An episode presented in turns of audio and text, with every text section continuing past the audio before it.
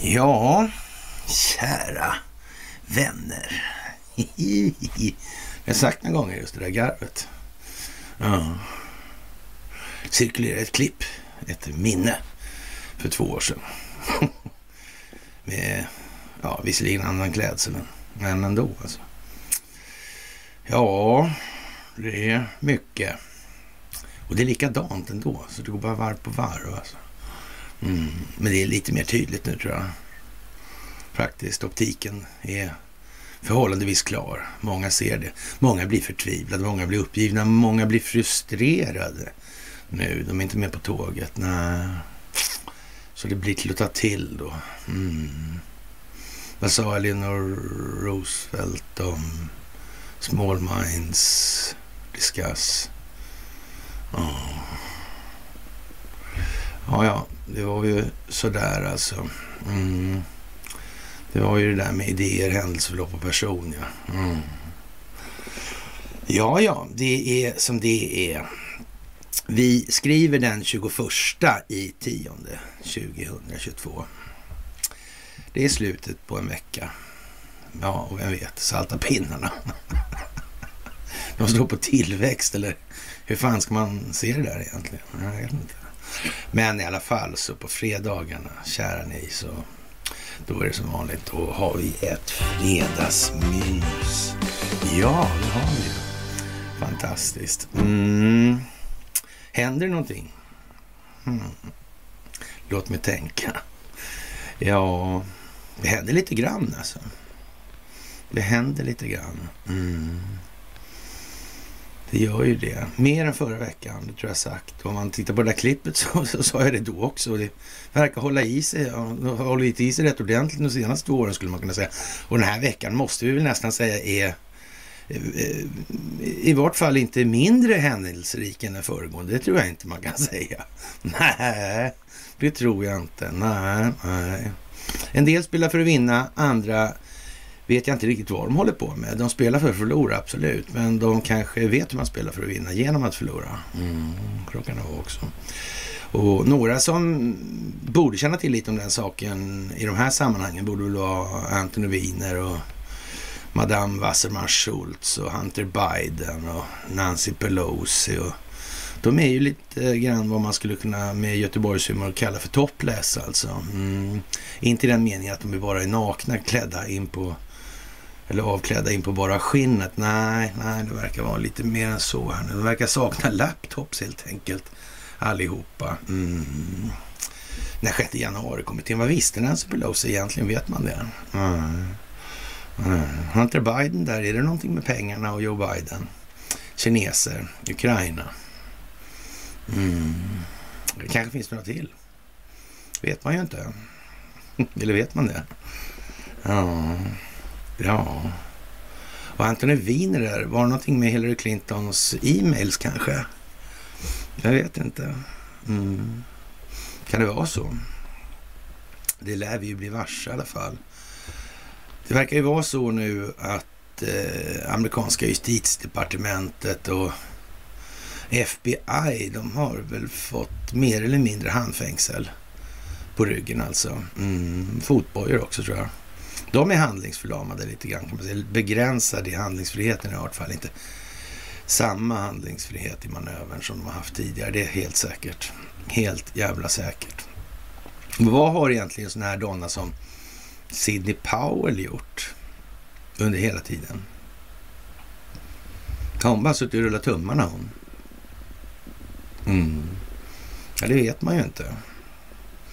Men hon kanske vet att man ska hålla käften. Inte låta truten löpa framför tanken i full omfattning helt enkelt. Nej, det är dumt. Det är dåligt. Mm.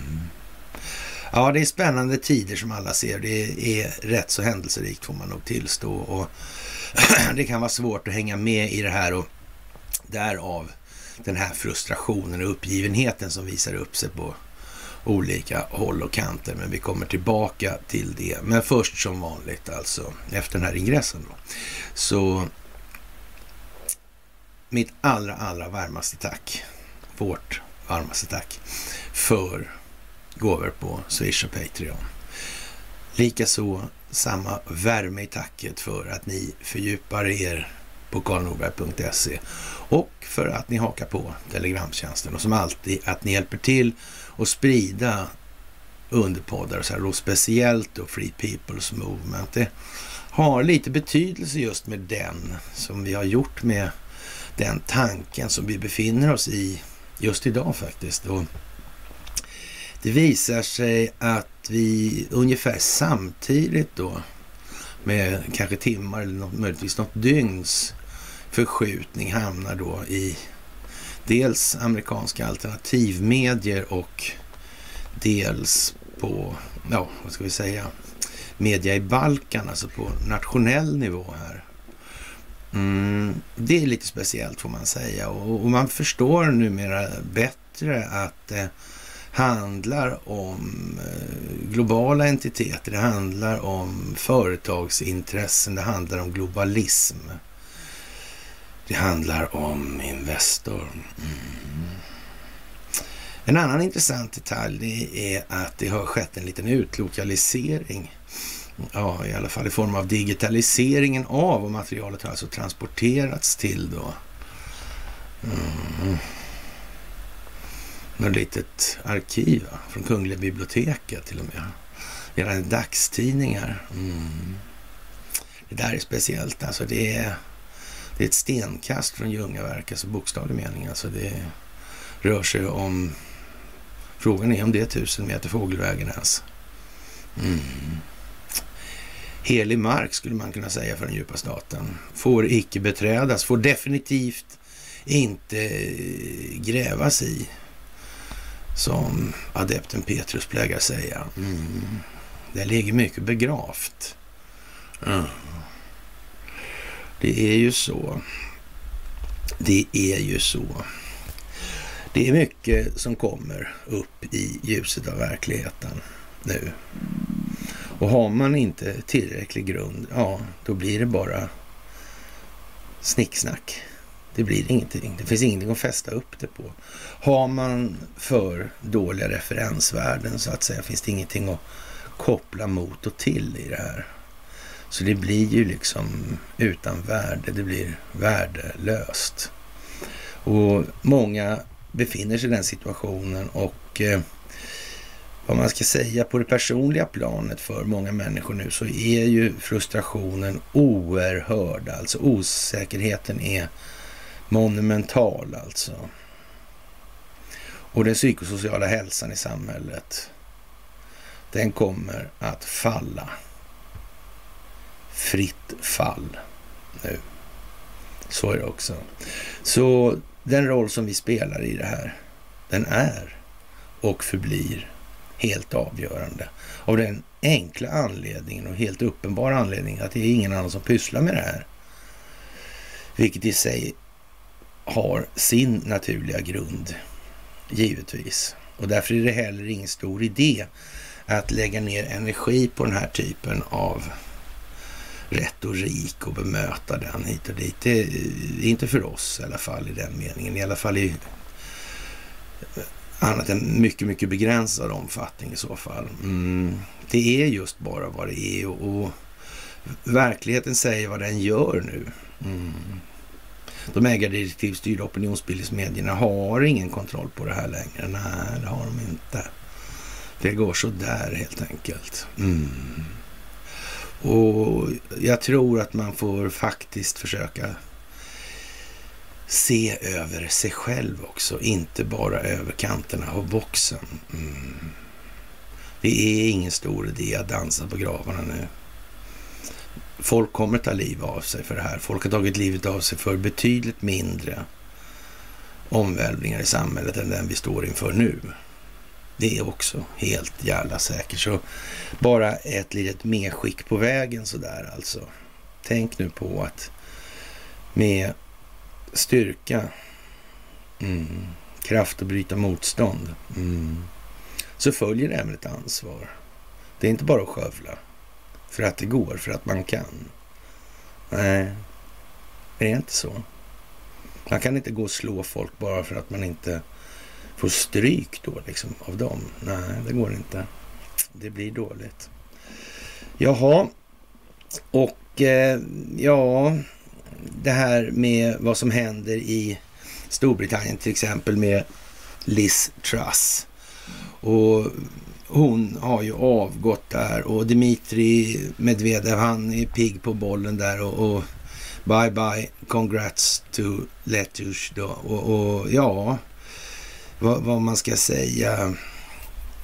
Eh, ja, Elon Musk han svarar att det var eh, ganska bra troll det där och, och, och vad ska man säga, och, och slänger väl lite tillbaka en liten spydighet där mot Medvedev då. Och, och, ja, och han svarar då e-, enligt det här Twitterflödet då att vi ses i Moskva på segerdagen. Och, och som sagt, det, det är ju vad det är i Ukraina nu. Mm. Men det börjar komma fram en massa saker om Ukraina och jag har sagt det tidigare att ja, det här kommer Sverige att göra och det är ingen slump att vi fick de här tre särskilda ambassadörerna för demokrati och ekonomiutveckling och, och de mest framträdande politiska figurerna under många årtionden nu. Alltså Carl Bildt, Jan Eliasson och Göran Persson. Mm. Det är ingen slump. De är så att säga markörer för någonting också. Mm. Och ingen kan gissa vad det är för någonting. Nej. Göran Persson med Ålandsbanken och Swedbank och hej vad det går. Mm -hmm. Carl Bildt behöver kanske ingen närmare presentation och Jan Eliasson har varit vice generalsekreterare för FN. Jag undrar så flundrar om gäddan är en fisk. Mm. Ja, det kan man undra. Det kan man undra i det här läget faktiskt. Och eh, det är ju inte bara via Ukraina det här kommer att göra intryck på Sverige, eller göra avtryck kanske vi snarare ska säga. Det är väl så liksom att Arizona börjar eh, döma fuskare nu och det får man nästan undra lite grann över kanske om... Eh, är det ett litet liksom marschanträde? Jag vet inte om det är så. Kan det vara så? Och det har visat sig nu att det händer en massa saker parallellt. Alltså det är en mystisk GPS-störning som tvingar flygtrafiken i USA att läggas om. Och ja, det här med GPSerna, var det inte någon sån där svensk inblandad i det här? Var inte det någon form av immaterialrättslig fråga vart det Och den som hade mest finansiella muskler verkar tydligen ha tagit hem det där rätt så ordentligt. För han den där stackars uppfinnaren där, mm, Lans hette han va? Mm. Inte den gamle kroppsbyggaren Göran Lans i Stockholm, inte han alltså. Nej, skarpare intellekt där. Mm. Hur fan blev det där egentligen? Han vann allting? Nej, han gjorde inte. Förlorade allting? Det gjorde han ja. Vilka var det då? Jag vet inte. Jaha, mystiska GPS-störningar som pågick nästan två hela dagar ska tvinga en landningsbana på Dallas Fort Worth International Airport i Texas, USA att stänga, rapporterar Ars Technica. Och Luftfartsmyndigheten beslutade också att vissa flyg skulle styras om till områden där signalerna fungerar som de skulle. Mm, det här telekrigfilm, eller telekrigföringsmiljön alltså. Det telekrigsmiljön. Mm. Det där är ju någonting som kanske inte folk tänker på, men utan så att säga telekommunikation i de här sammanhangen, då står sig de moderna vapensystemen tämligen slätt skulle jag vilja påstå. Mm.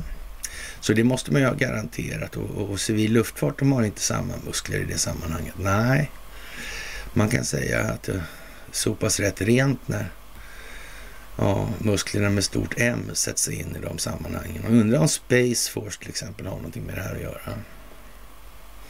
Mm. Skulle kunna ha någonting med det här att göra. Vet inte. Nej. Djupa staten har ju definitivt med det att göra. Mm. Enligt experter inom området finns det inget som tyder på att störningen hade att göra med militär verksamhet. Nej, nej just det. Ja, USAs luftfartsmyndighet har inte hittat några tecken på att GPS-störningen var avsiktlig och arbetar nu för att identifiera källan. Ja. Det är väl ungefär som det med hackningen. Det brukar ju fungera så att man lämnar någon form av spår efter så det spåret pekar inte på en själv. Nej, det gör det inte. Nej, och det gäller att göra det så tätt som möjligt så det liksom, ja, det måste vara öppet alltså. Det måste kunna vara den man pekar på. Mm. Annars är det ju liksom ingen mening att göra det där överhuvudtaget. Och ja, man får väl nästan säga som så att det har nog inte eh, lagts för lite energi på den biten i det här samhället i Sverige. Nej, det tror inte jag. Och när man, man då börjar döma fuskare i USA, då får man ju säga att då har vi kommit någonstans, då kommit till det här valet och, och det blir ju lite tokigt då kanske om inte resten taktar in då. Det går ju ut på det. Mm. Ja, det är ju som sagt ingen mening om det inte finns referensvärden, utan nu gäller det ju att finna referensvärden ur alla parallella sekvenserna här, eller i alla fall ett antal fler för varje enhet tid som passerar här nu. Mm. Det blir liksom ett allt. Mm. All is one som Saibaba sa en gång. Står på alla Hard Rock Café förresten. Det var en Cadillac i taket som står där också. Det är någon form av ledstjärna där. Mm, kan man tänka på också kanske i det här läget. Ja. Undrar jag om inte det där uh, Holmen kommer få en industriellt sammanfattande roll i vad som kommer för det här landet. Jag undrar ja. om det kan vara på så vis. Mm, kanske hänger ihop med hardrock. Man vet ju inte på ett eller annat sätt.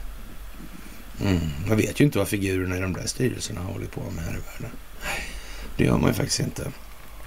Det gör man faktiskt inte. Men man kan använda bloggen för att leta reda på vad det skulle kunna vara för någonting kanske. Sökrutan där brukar vara funktionell i de sammanhangen.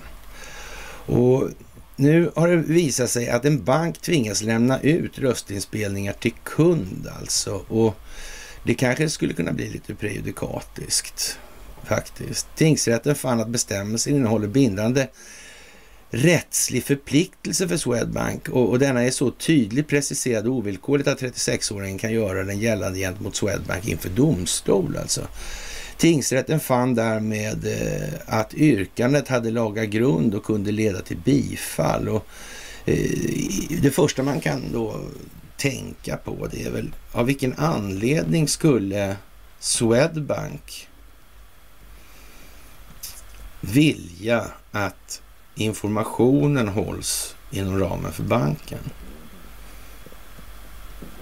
Det är väl aldrig så att man har satt någonting i system som man är rädd ska komma att uppdagas om fler börjar ägna sig åt den här typen av juridiska övningar och begära ut bankens inspelningar. Mm. Ja, det duger inte för banken att säga att den där har vi tappat bort, den där har vi rensat och gallrat och sådär. Det kommer inte hålla och sen blir det ju jättekonstigt alltihopa. Det är lite grann en datalagringspandemi liksom. Mm. Google kanske? Kan det vara något? Mm. Serverhallar i Sverige, skulle det kunna vara en del av det här? Mm. Ja, de lagrar nog inte data i Sverige av den anledningen att den inte får lagras i Sverige. Nej. Och, och det kan ju vara så att de här lagringsförfarandena, ja, de är av den naturen att de kanske inte går att ja, genomföra i alla länder helt enkelt. Nej. Nej. Många länder har ju det, att man får bara lagra det där ett visst antal dygn eller veckor eller månader och sådär. Och sen måste det rensas. Mm. Sverige har tvär, lite tvärtom faktiskt, lustigt nog. Alltså. Det måste. Operatörerna, operatörerna måste. Mm. Ja, ja, så kan man säga. Mm. Ja, annars skulle man inte kunna använda det här på något sätt heller. Då skulle det bli ett uddlöst verktyg om det inte fanns att hämta någonstans. Men klart, om man vet var man ska hämta det någonstans. Ja. Förtroende är bra men kontroll är bättre. Gammalt känt talesätt inom den djupa staten. Mm. Det kanske ska begagnas alltid när man i alla fall kanske möjligen kan misstänka att egennytta finns med i ekvationen för utvecklingsförloppet. Det kan vara en bra grej, tror jag. Ja, faktiskt. Det där kan man spekulera om vad det kommer leda till, men det kommer att landa i precis samma sak som vi alltid säger det ska landa i här. Det är bara så. Det är den djupa statens sammanbrott det här handlar om. Det handlar om att ett antal länder då har koordinerat sina insatser sedan lång tid tillbaka. Mm. Sedan mycket lång tid tillbaka. Mm. Det verkar till och med vara ända bak till eh, 2001 nu, rätt så säkert öppet alltså. Så. Ja, vi kommer tillbaka till det. Det verkar ju lång tid. Alltså när kriget mot terrorismen började handla om George Bush. Mm, det handlade om någon senator som visste en massa saker men sa ingenting under lång tid. Vad kan det peka på för någonting? Varför blev det så? Mm, varför avslöjar han inte allting på en gång? Det är lite som Brigitte Bonnesen faktiskt. Mm. Hon blev arg. Mm. När den här eh, beteendemänniskan på compliance, människan alltså på Swedbank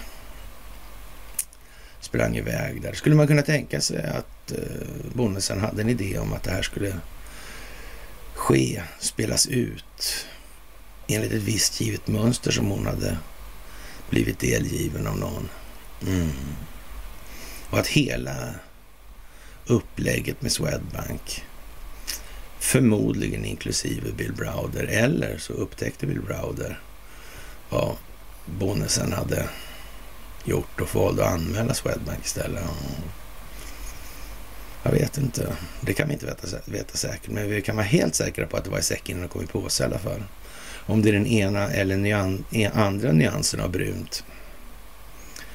Ja, choice of taste eller vad ska man säga om skiten. Ja, ja. ja.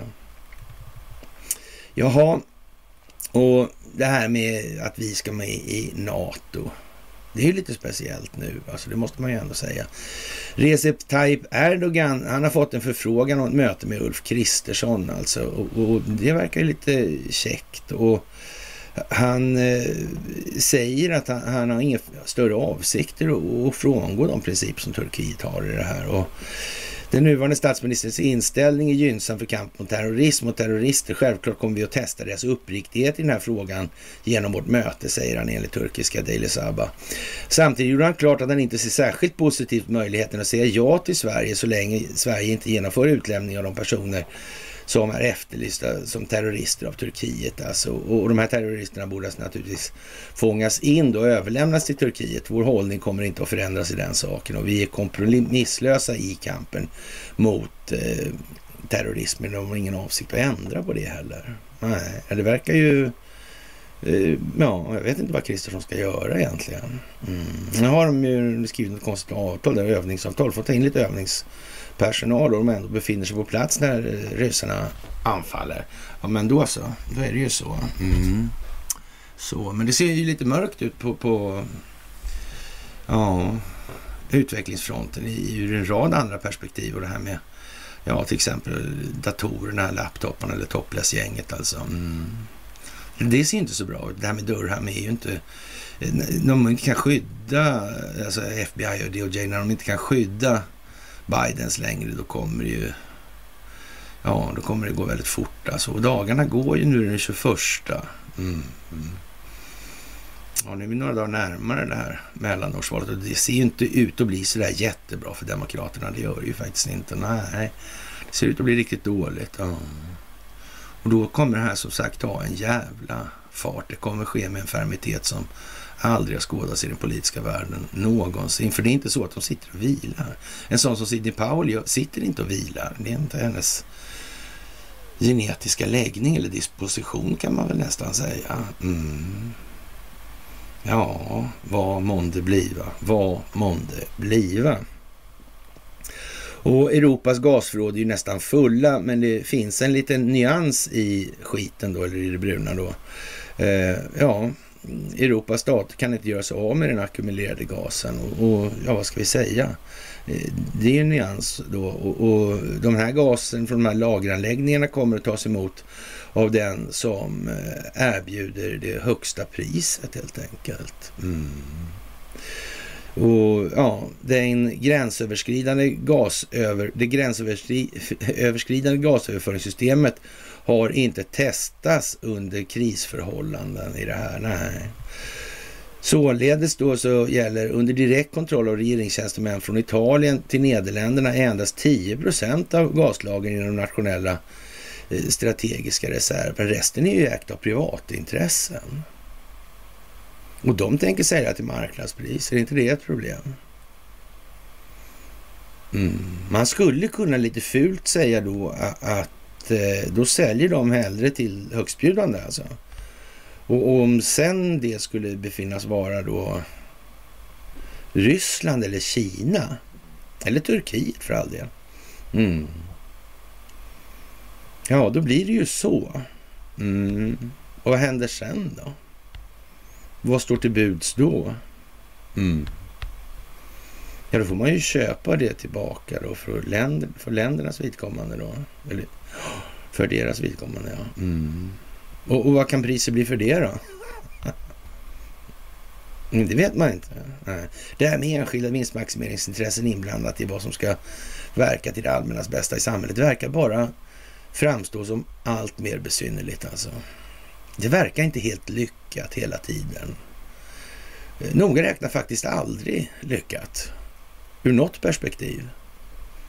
Ja, borträknat då från det där berörda enskilda intresset då. Men, men det kan man ju skita i. Alla andra skiter i det. Så, ja, det får väl stå där det står liksom. Mm.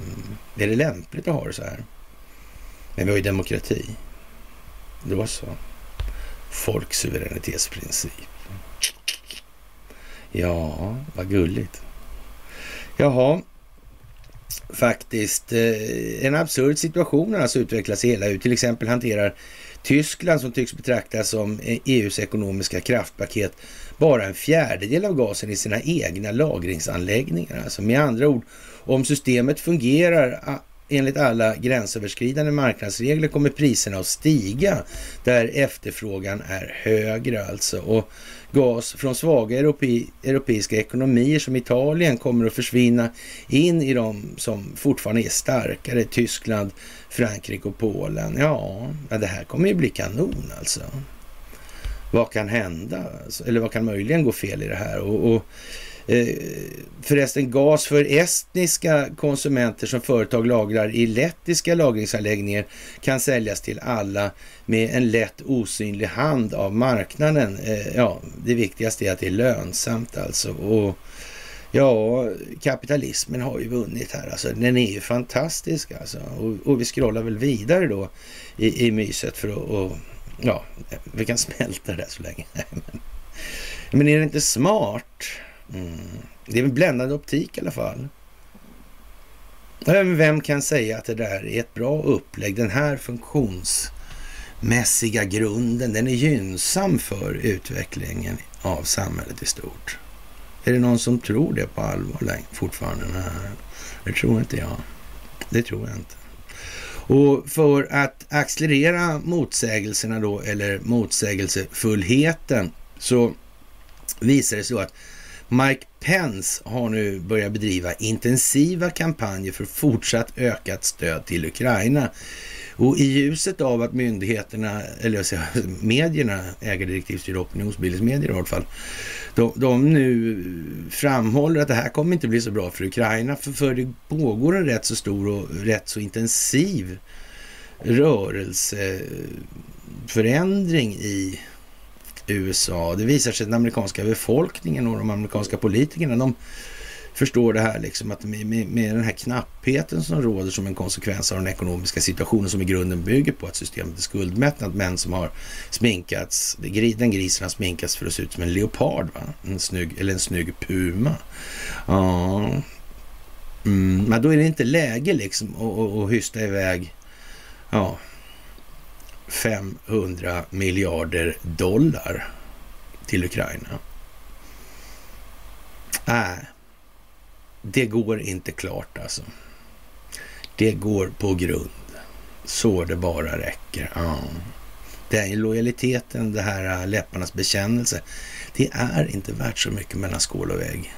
Och man får ju ställa naturligtvis det här på ett ställe där det ja, ställs mot den svagaste punkten. Och det kommer ju fram till det här. Det blir egennytta. Så individerna som är egennytta, de kommer att falla på eget grepp i den delen. Så är det också. Det kan man ju komma ihåg. Bra att minnas faktiskt. Jaha, och eh, det går ju sådär för Börje och Investor och Investors VD. Han eh, säger att han har fullt förtroende för Börje Ekholm, den viga bryggans mästare helt enkelt. Och vad ska man annars säga då för Investors räkning? Det verkar ju omöjligt att de under alla dessa år har förblivit omedvetna om vad som har försiggått inom ramen för Ericsson till exempel. Bara som ett exempel av alla de här bolagen. Mm. För det är ju inte det enda, det finns ju fler alltså. Mm. De har ju suttit i Investors styrelse, det är ju samma gubbar liksom. Men de har inte vetat ändå alltså. Uh. Eller också är det ju så det här, vi har fullt förtroende för Börje Ekholm, vi har varit med på det här nämligen allihopa. Mm. Det finns ingen i det här gänget som inte har fattat hur den här verksamheten bedrivs och ska bedrivas, som vi ser på saken. Eh, vilket inte nödvändigtvis är vad omvärlden i stort föredrar. Eh, och att Sverige då håller sig med en lagstiftning där det inte går att lagföra eller eh, ge någon form av straff, straffrättslig påföljd för ja, hart när vilka övergrepp som helst. Det är ju fantastiskt konstigt. Mm. Lite som Lettland, Estland och, och, Litauen där någon betalar ju juristutbildningen och de lagar som togs fram och skrevs och sådär. Ja ja, han sa till och med att det var eh, Knut och Alice Wallenbergs stiftelse och, och vi ville sticka till en slant. Mm. ja, jag tror ni börjar kunna det här alltså. Och nu är det alltså klart att Kristersson ska träffa Erdogan alltså. Och naturligtvis hissar man då hoppets flagga big time för svenskt vidkommande i det här. Nu kommer det lösa sig. ja, mm det återstår väl att se och det hinner ju hända mycket fram till dess alltså.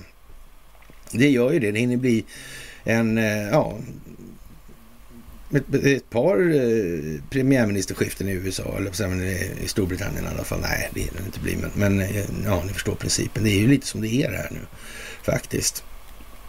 Och eh, ja, det är faktiskt eh, mycket speciellt med svenska politikers situation nu. Det är nog aldrig någon gång i hela världens historia som ett politiskt etablissemang har suttit så underligt till, om vi ska uttrycka det som så. Mm. Faktiskt. Ja, det är ju som det är. Och eh, Eh, Tyskland skulle behöva då köpa rysk energi från andra länder, möjligen från Turkiet istället för att eh, bli ett gasnav, sa, med, sa medordföranden för det oppositionella högerpartiet Alternativ för, för Deutschland, alltså AFD, Tino Schrupalla till Sputnik. Om eh, Tyskland vägrar köpa rysk gas är det ganska uppenbart att Ryssland skulle söka andra partners som Turkiet eller Kina. Och trots allt skulle vi börja köpa gas från de här länderna, men det skulle fortfarande vara rysk gas. Och, och det kan vi inte bli fria från. Ja, och, och, vi kan inte kompensera för det heller på något annat sätt. Och, eh, de europeiska partnerskapen börjar bli ansträngda på grund av Tysklands politik i det här. Och att sådana länder som Saudiarabien, Kanada och Norge som Tyskland planerar att sluta gaskontrakt med själva behöver energiförsörjningen Ja, då, man kan väl säga så här att de ländernas befolkningar är knappast intresserade av att subventionera andra länders energikonsumtion. Det tror inte jag. Nej, faktiskt. Den här lojaliteten, jag vet inte vad Torsten Nothin sa 1955. Kommer ni ihåg det? Det gör ni ju faktiskt. Mm, det har någonting om ett altare alltså. Mm. Och välstånd. Offer. Mm. mm. Ja, ja, den svenska befolkningen är dömd att, upptäcka, dömd att upptäcka att dess välstånd offras på den falska solidaritetens altare, sa han efter han hade slängt Notin på dårhus i Tyskland. Mm. Trots att han inte hade inflytande ända ner till Tyskland och Gestapo, som han sa i tv-serien som gick. nej, nej, nej, nej. Ändå kom Gestapo, Gestapo sa Karl Gerhard, hit för att kolla på kuplett. Jaha. Mm. Man vet ju inte. Tidens tecken kanske, eller en markör, det vet man ju inte. På onsdagen sa ju Turkiets president Recep Tayyip Erdogan att han hade nått en överenskommelse med Rysslands president Vladimir Putin om ett gasnav och tillade att Europa kan använda rysk gas genom Turkiet och det, det blir säkert bra. Och, och, ja, Berlin ignorerar uppmaningar och involverar Ryssland i utredningen av incidenten på Nord Streams rörledningar och Sverige och Danmark undersöker attacken mot Nord, Nord Stream men Sverige vill ju inte göra det tillsammans med Danmark och Tyskland så vitt det går att förstå. Och Tyskland är för närvarande inte inblandat i utredningen av nyss nämnda, eller nu nämnda skäl, nämnt skäl alltså. Och även om Sverige har information om vad som hänt eh, kan man inte säga något om det.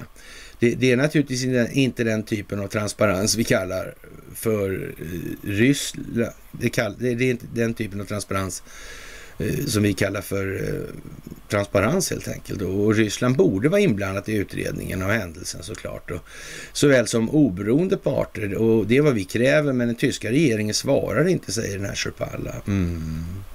Ja, och enligt honom talar den här tyska regeringens högljudda tystnad för sig själv alltså. De säger någonting. Ja, det är ju lite sådär alltså. Ja. Det var en rätt underhållande grej. Jag hade diskussionen med Martin Stensö i förmiddags där om eh, det här med, med Stensö slott, alltså vem fan som bokade det där alltså. Egentligen, alltså det kan ju vara intressant om det var Moderaterna som pröjsade det där. Och, men det var, Moderaterna visste inte riktigt, de visste inte noga räknat ingenting alls. Och, och på Stensö slott visste man noga räknat ingenting alls heller. Mm. Och, och man, man, skulle då eh, från då parternas, de här uppringda parternas sida, då skulle man, man eh, skulle höra av sig då, återkomma alltså. Om det fanns något svar på det, alltså om det fanns något svar på det, om det var någon som hade bokat eh, lokalerna alltså. Eller de kanske bokade sig själva av ingen alls. Eller hur menar de egentligen om man ska förstå det där? Mm. Borde inte det liksom eller är det meningen att man ska upptäcka det kanske från... Är det någon sida, är det någon part inblandad i det här som tycker att det är dags att det vaknas till här nu? Jag vet inte, det får vi se helt enkelt. Men märkligt är det att ingen känner till vem det är som har bokat det. Det verkar ju konstigt. Mm. Ja, ja, det är mycket leksaker här i världen. Ja, sådär. Och ja, som sagt. Ja, jag vet inte. Svenska och danska myndigheter misstänker att Nord Stream-accidenten, ska jag inte säga, men eh, händelsen var ett resultat av eh, sabotage. Ja, men de har hindrat Ryssland för att gå med i den här utredningen. Mm.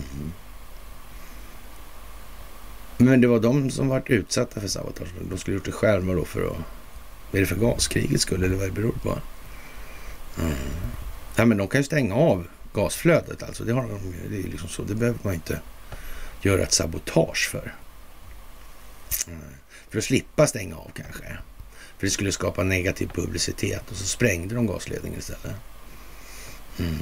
Men de kan ju fortsätta leverera, men det verkar inte sådär. Nej. Det verkar inte ligga i linje med vad man önskar sig. Nej. Av någon anledning. Konstigt. Konstigt, konstigt, konstigt. Ja. Det är mycket som är konstigt nu. Den ryska åklagarmyndigheten, eller riksåklagarmyndigheten ska jag väl säga då, utreder pipeline-incidenterna som handlingar av internationell terrorism. President Vladimir Putin betonar att det var en avsiktlig attack mot det europeiska energisystemet och antyder att London och Washington var skyldiga till explosionerna. Och det får man väl kanske eh, ta med en gruva salt eller så. Mm. Det kan ju vara så bara att de i Eh, ledet av verkställande hand har ett så att säga, betydande finger med i det spelet. Absolut alltså. Mm. Så är det ju. Men som de sa, det verkar precis som på Balkan har man kommit lite längre i den meningen man har pratat om det här med omfattningen och vidden av på internationella tv-kanaler. Alltså, så, hur, hur fan ser det ut egentligen? Här? Varför ser det ut som det gör? Liksom? Var, var, var försvinner kärnfamiljen snabbast någonstans? Och var de här uh, konstiga feministrörelserna, var, var exploderar de snabbast någonstans? Och Pride-rörelser och alla sådana här grejer. Och, och eh, ja, övervakningssamhället och, och avlyssningen. Och, mm. Det verkar som de håller på att få ihop det lite grann. Alltså. Mm. Jag undrar hur lång tid det tar innan de börjar göra översättningen till sin egen situation i en lite striktare mening. Alltså hur fan var det där egentligen med Carl Bildt och ja, fredsmäklandet på Balkan alltså? Mm. Organstölder och allt sånt där. Hur var det med det där egentligen? Mm. Det är ju konstigt. Mm, det var många missförhållanden som aldrig kom i dagens ljus, eller ljus de verkligheten.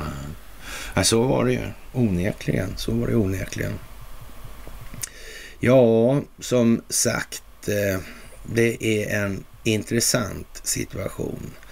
Och det går inte att komma undan för någon i det här längre. Men det gör det inte. Det är helt enkelt slut på handlingsfrihet. Och EU-länder bör vara beredda att ge mer hjälp till Ukraina efter mellanårsvalen den 8 november i USA, rapporterar nu Politico som ja, annars brukar rapportera lite andra saker än det.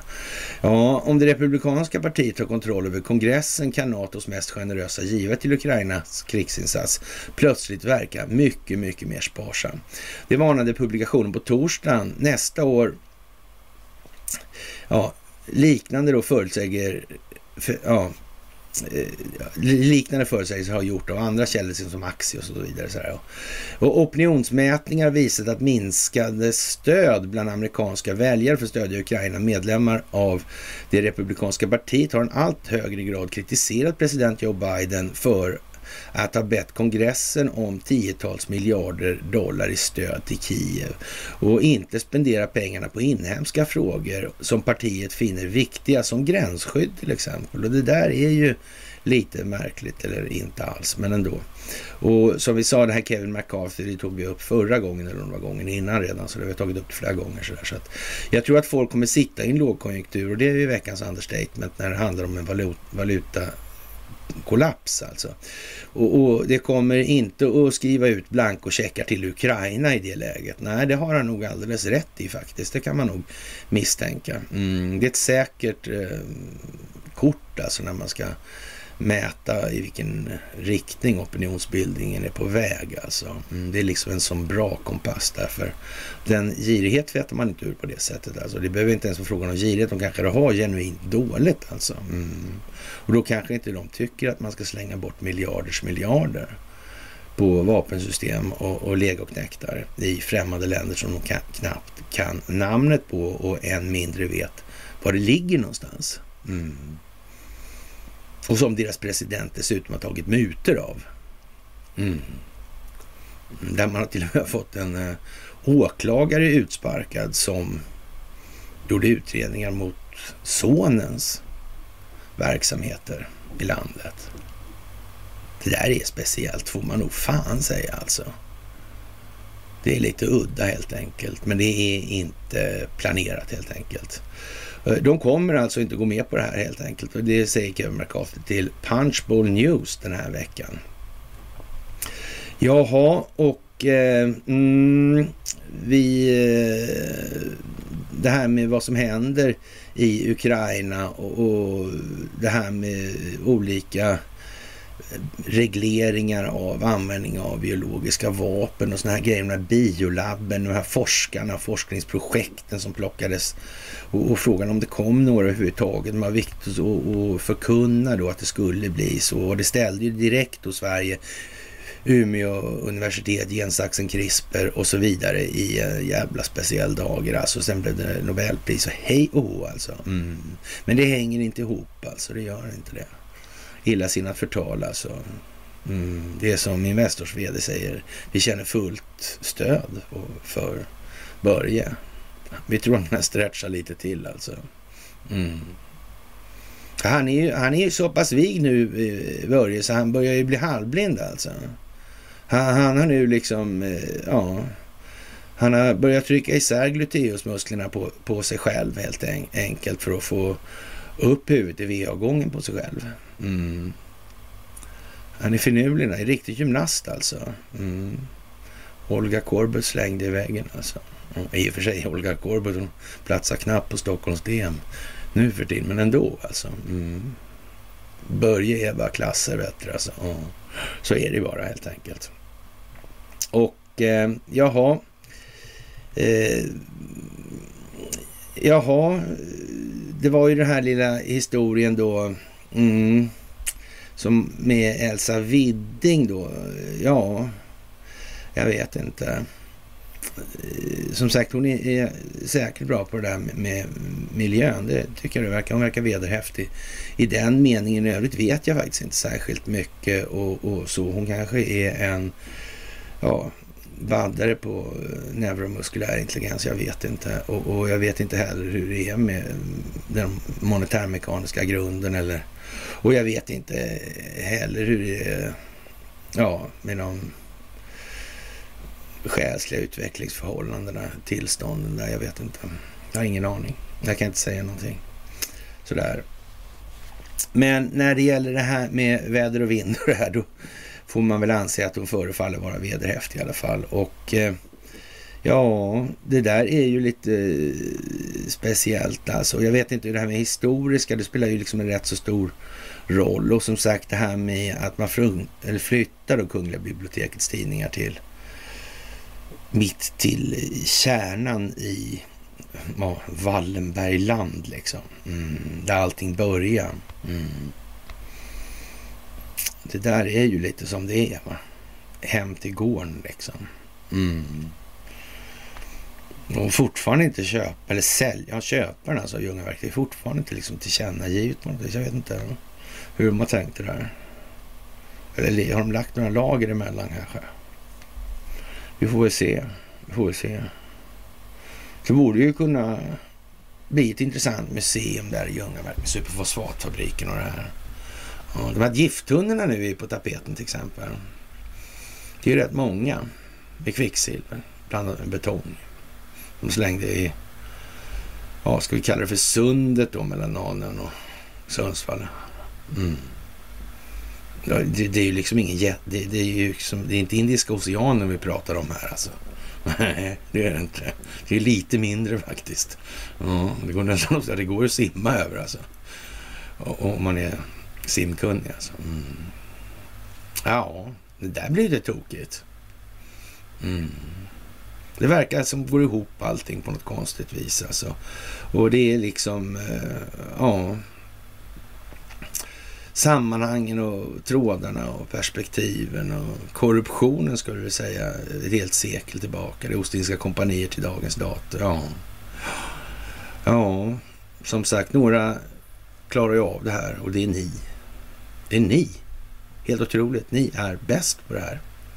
Men å andra sidan kan man inte, man kan inte begära att människor i andra länder ska klara av att processa den här typen av information som jag sitter och sprider ut här. Det går inte. Det finns liksom ingen möjlighet. De vet väl för fan inte vem Axel Oxenstierna var. Hur ska de kunna veta det? Och, och i, ur det perspektivet av deras egna länders betraktelse, så de länderna fanns ju inte ens på den tiden oftast. Det var ju liksom ingenting.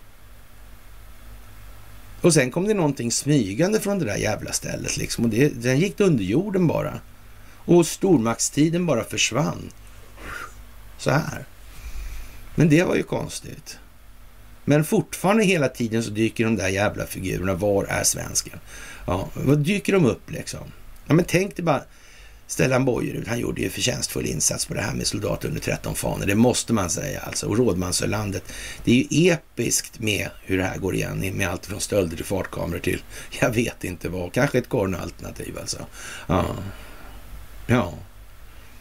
Är eller som Stellan Boyd plägade själva, själv uttrycka saken så här. Mm, mm. Rådmansö utan broar är lika intressant som en hora utan fitta. Mm. Det var lite väl mustigt för min mor. Ja, det kan man säga. Mm.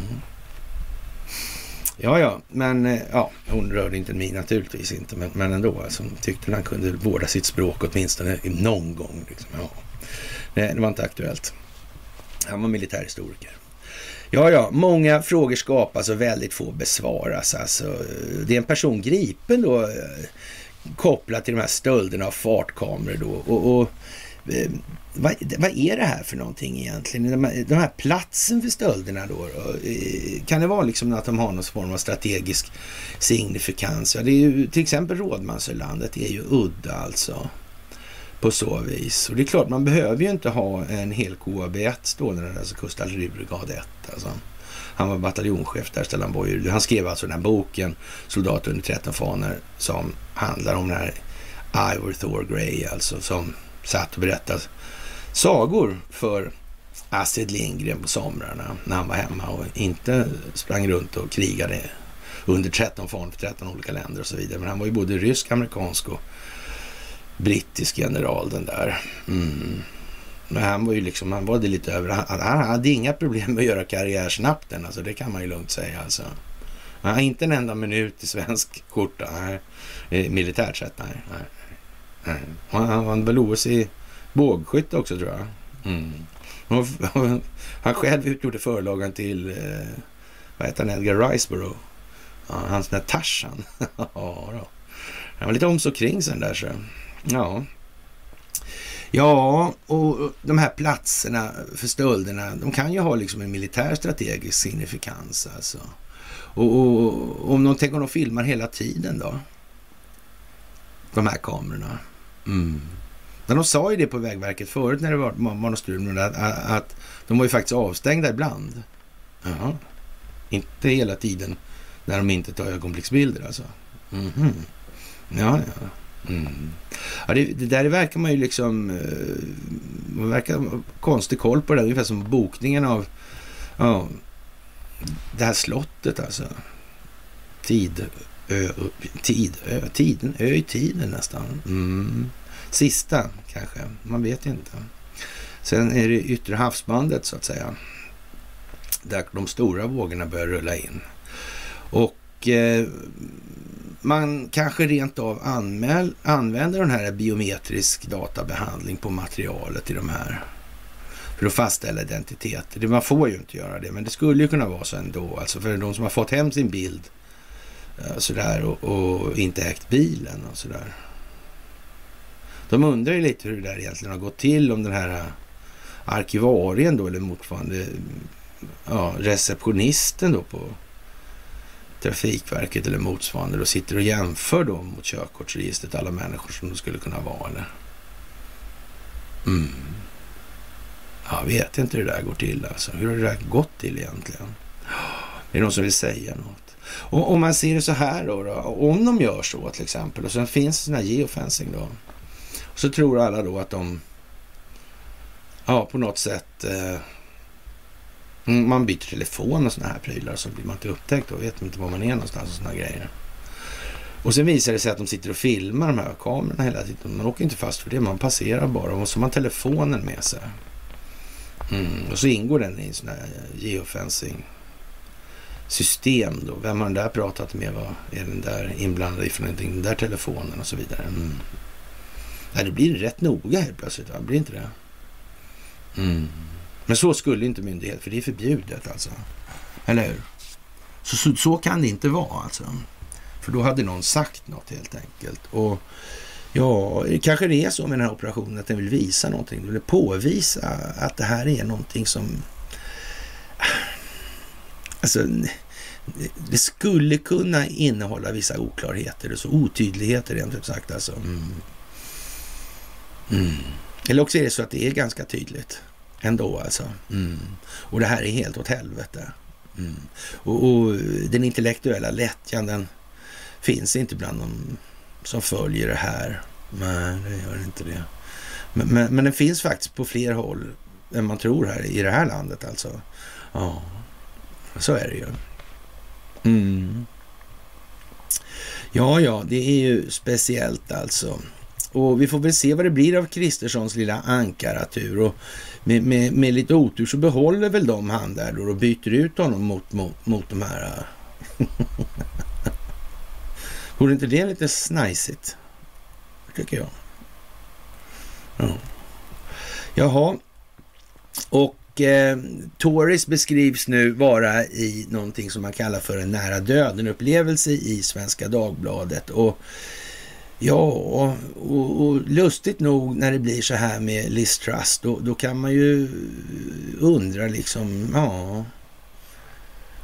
Boris Johnson, här vet man, att han spelar för, för att vinna alltså. Han vet hur man gör också, säger Donald Trump. Och det kan vi nog lita på att han vet då eftersom eh, Donald Trump gör den bedömningen. Mm. Han vet hur Boris spelplan ser ut mm, av en eller annan anledning. Så antingen är han mot Boris eller också är han inte det. Just det. Och en bra grej i det här det är väl det här, man måste ju komma åt det här med kungahuset och så vidare. Och kung Charles då, den fantastiska. Ja. Han har kompis med, just det, han den där BBC-gubben var Sav. Jimmy Sav. Nej, Jimmy Savile, ja just det. Mm. Han hade ingen aning om vem Robert Maxwell var. Han var förvisso tidningskung i England sådär med Rupert Murdoch och såna grejer och tv-kanaler hej och liksom. Men de visste inte känt varandra.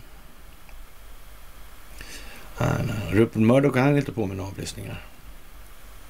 Nej. Inte Maxwell heller. Nej. Och hållhakar, det var ingenting som Jimmy Savile. Nej. Han var till den. Han var lite mera på, på mm det handgripliga planet i den meningen. Ja. Och ändå var de kompisar med, honom inte det konstigt?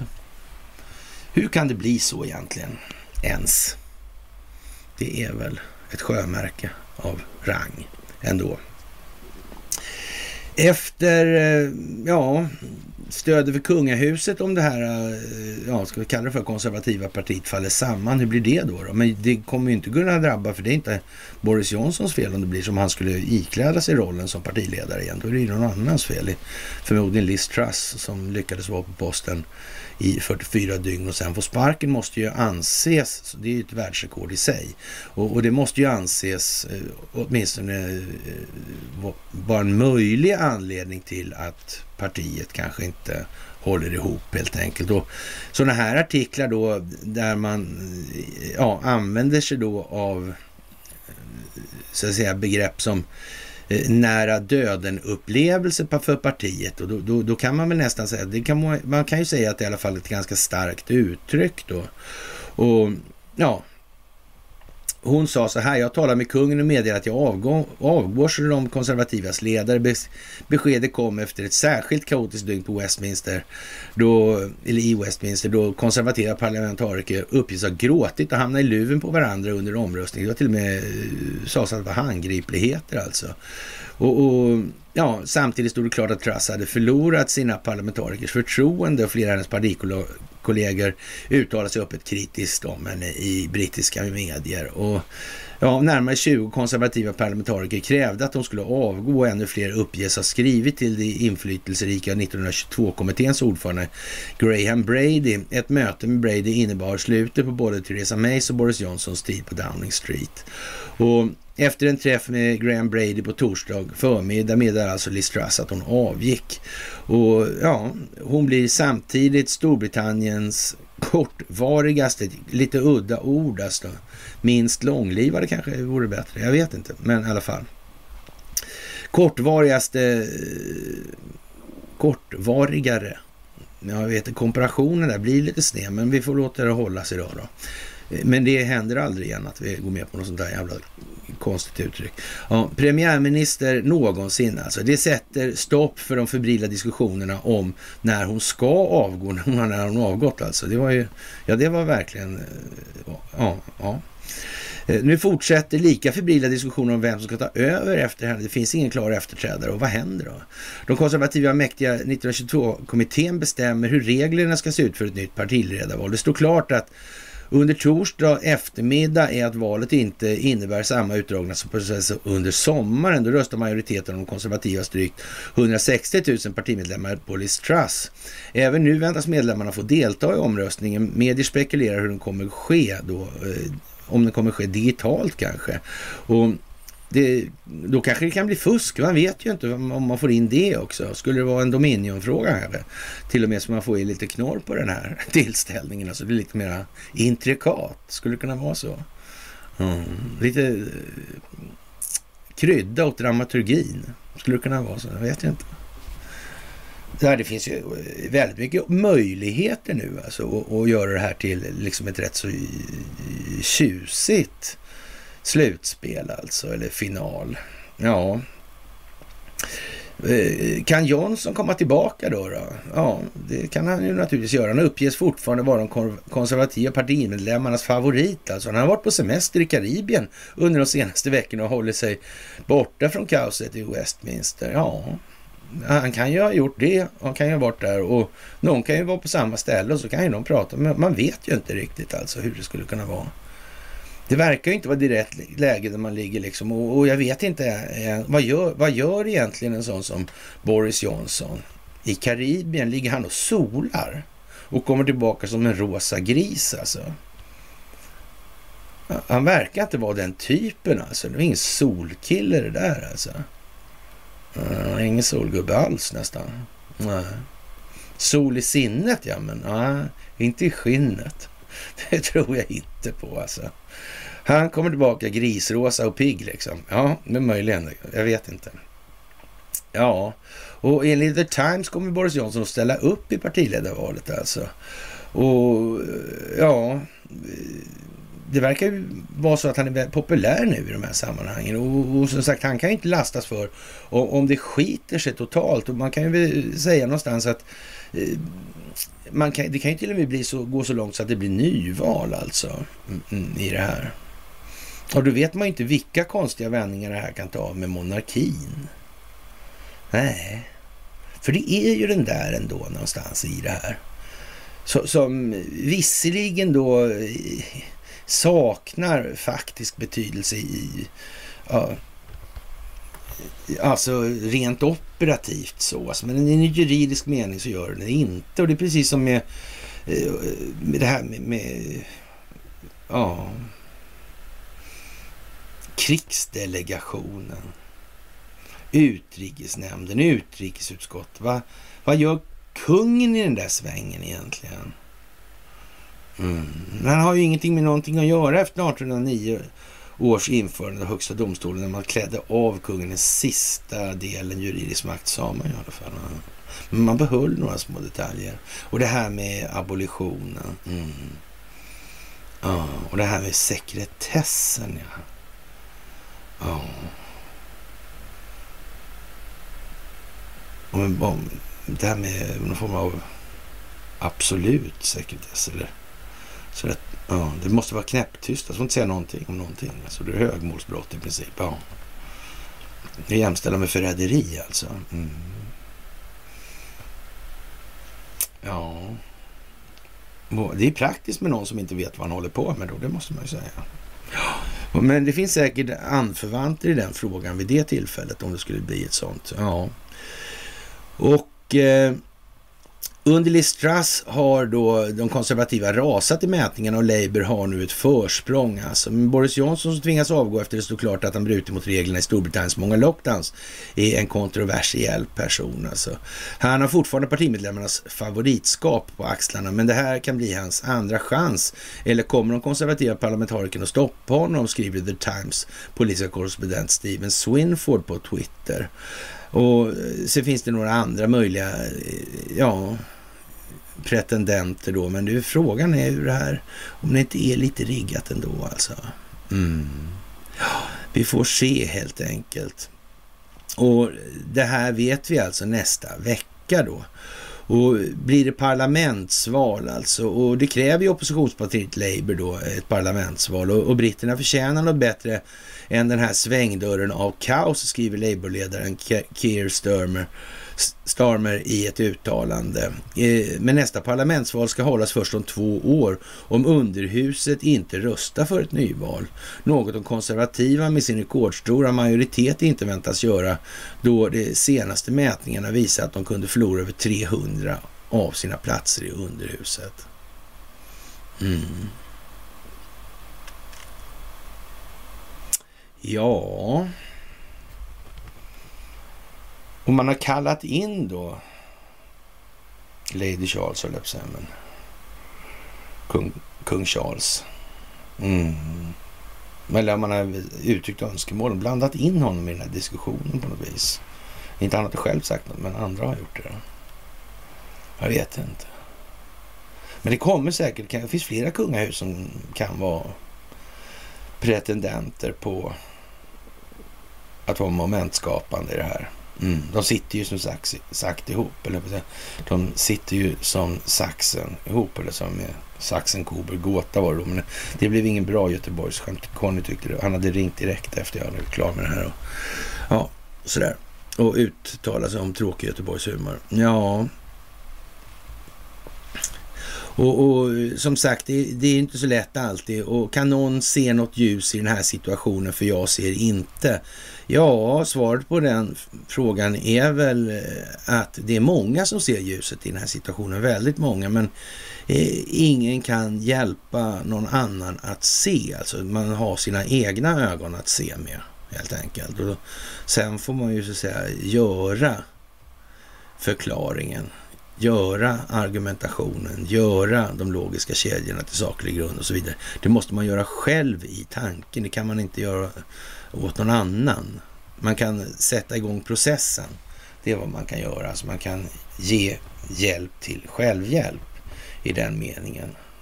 Det går inte eftersom man inte kan uppleva någon annans känslor än de egna. Så går det här inte att göra på något annat vis.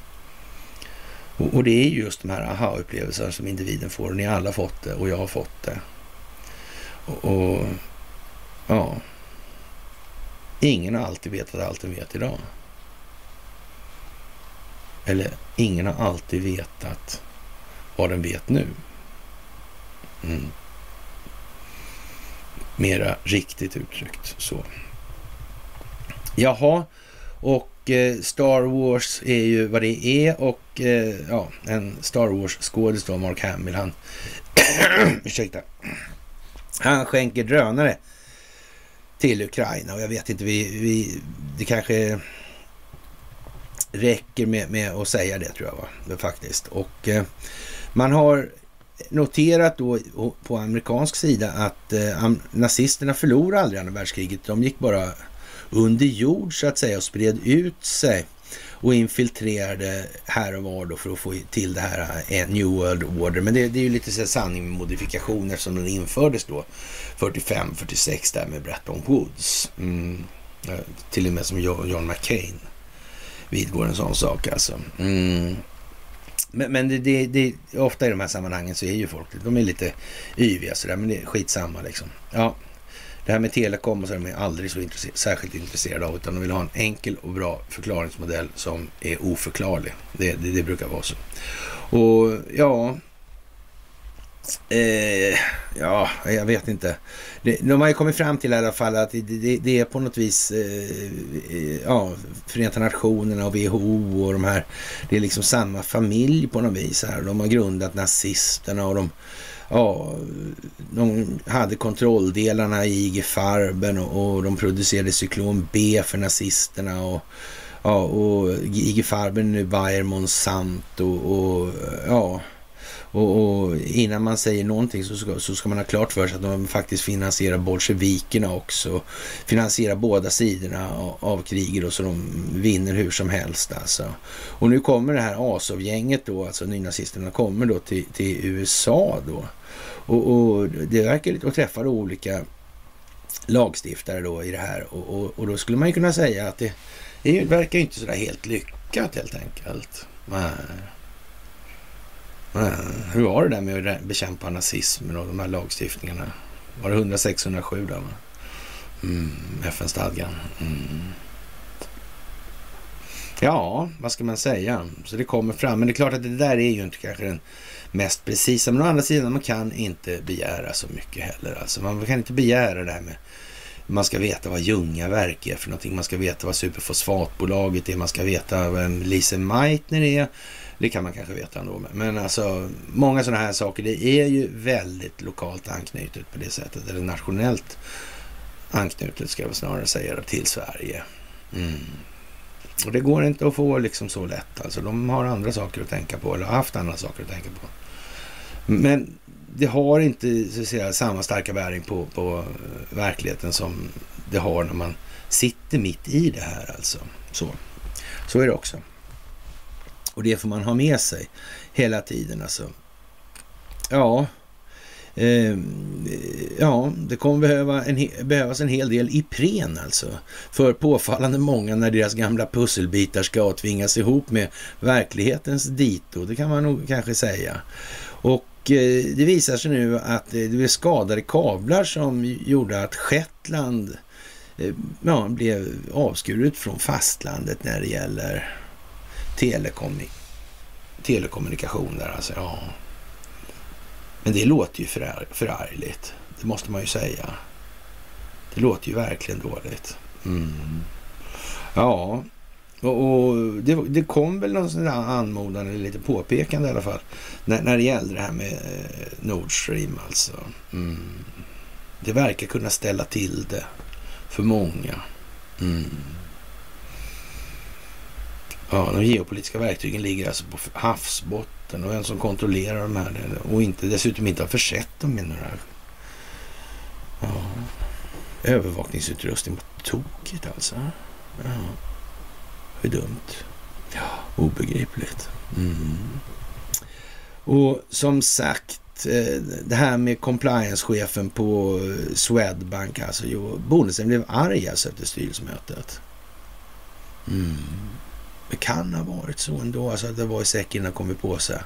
Och, och, här var det, kom det någon jävla sprattelgubbe och, och, och, skulle förstöra det långsiktiga, även om det ur det korta eller raka enkla perspektivet då ja, ser ut som det hon gör helt fel. Det kan ju vara så att hon gjorde rätt. Hon kan ju ha kommit överens med SEC och de här. Mm. Det kan hon ha gjort för länge sedan alltså. Länge, länge sedan alltså. Mm. Mm. Nu var det med Finansinspektionen. De hade i alla fall inte tagit emot de där handlingarna som man borde rimligtvis kunna förvänta sig att de skulle göra. Ja. Nej, det gjorde de inte. Jag vet inte, det är ju märkligt alltså.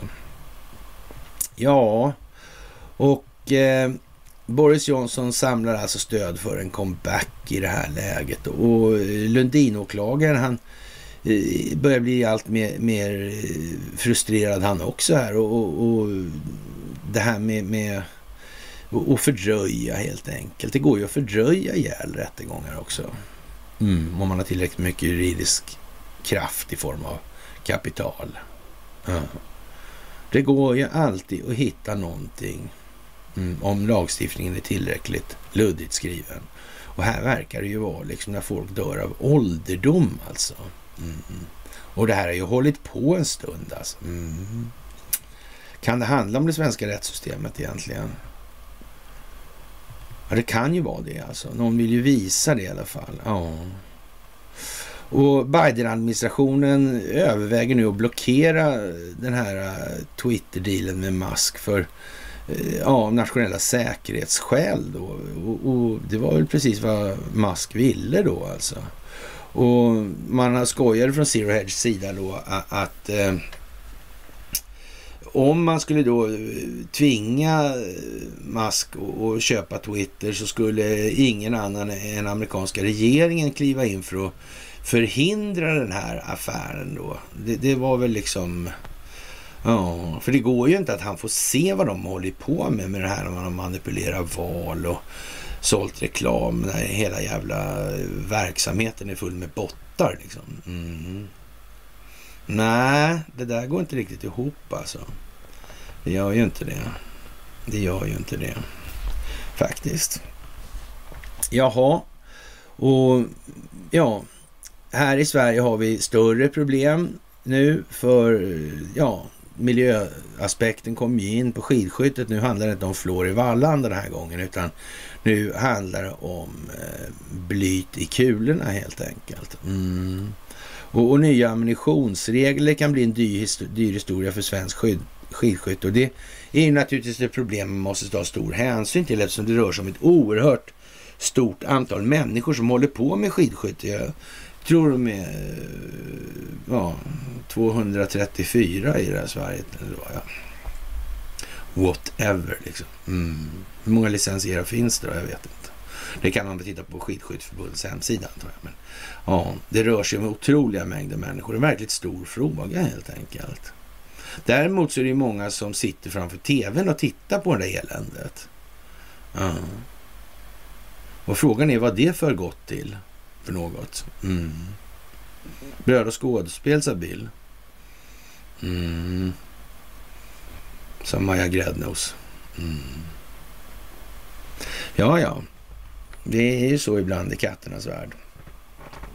Google Cloud, Ericsson, molnbaserade lösningar för 5G, telekom och kommunikation och Department of Justice. Texas stämmer Google för biometriska igenkänningsfunktioner. Eh, ja, vi har ju varit inne på det några gånger här idag redan. Så, så ja, den amerikanska delstaten Texas lämnar in en stämningsansökan mot Google på torsdagen och anklagar internetjätten för att skörda stora mängder biometrisk data från människor utan deras uttryckliga samtycke.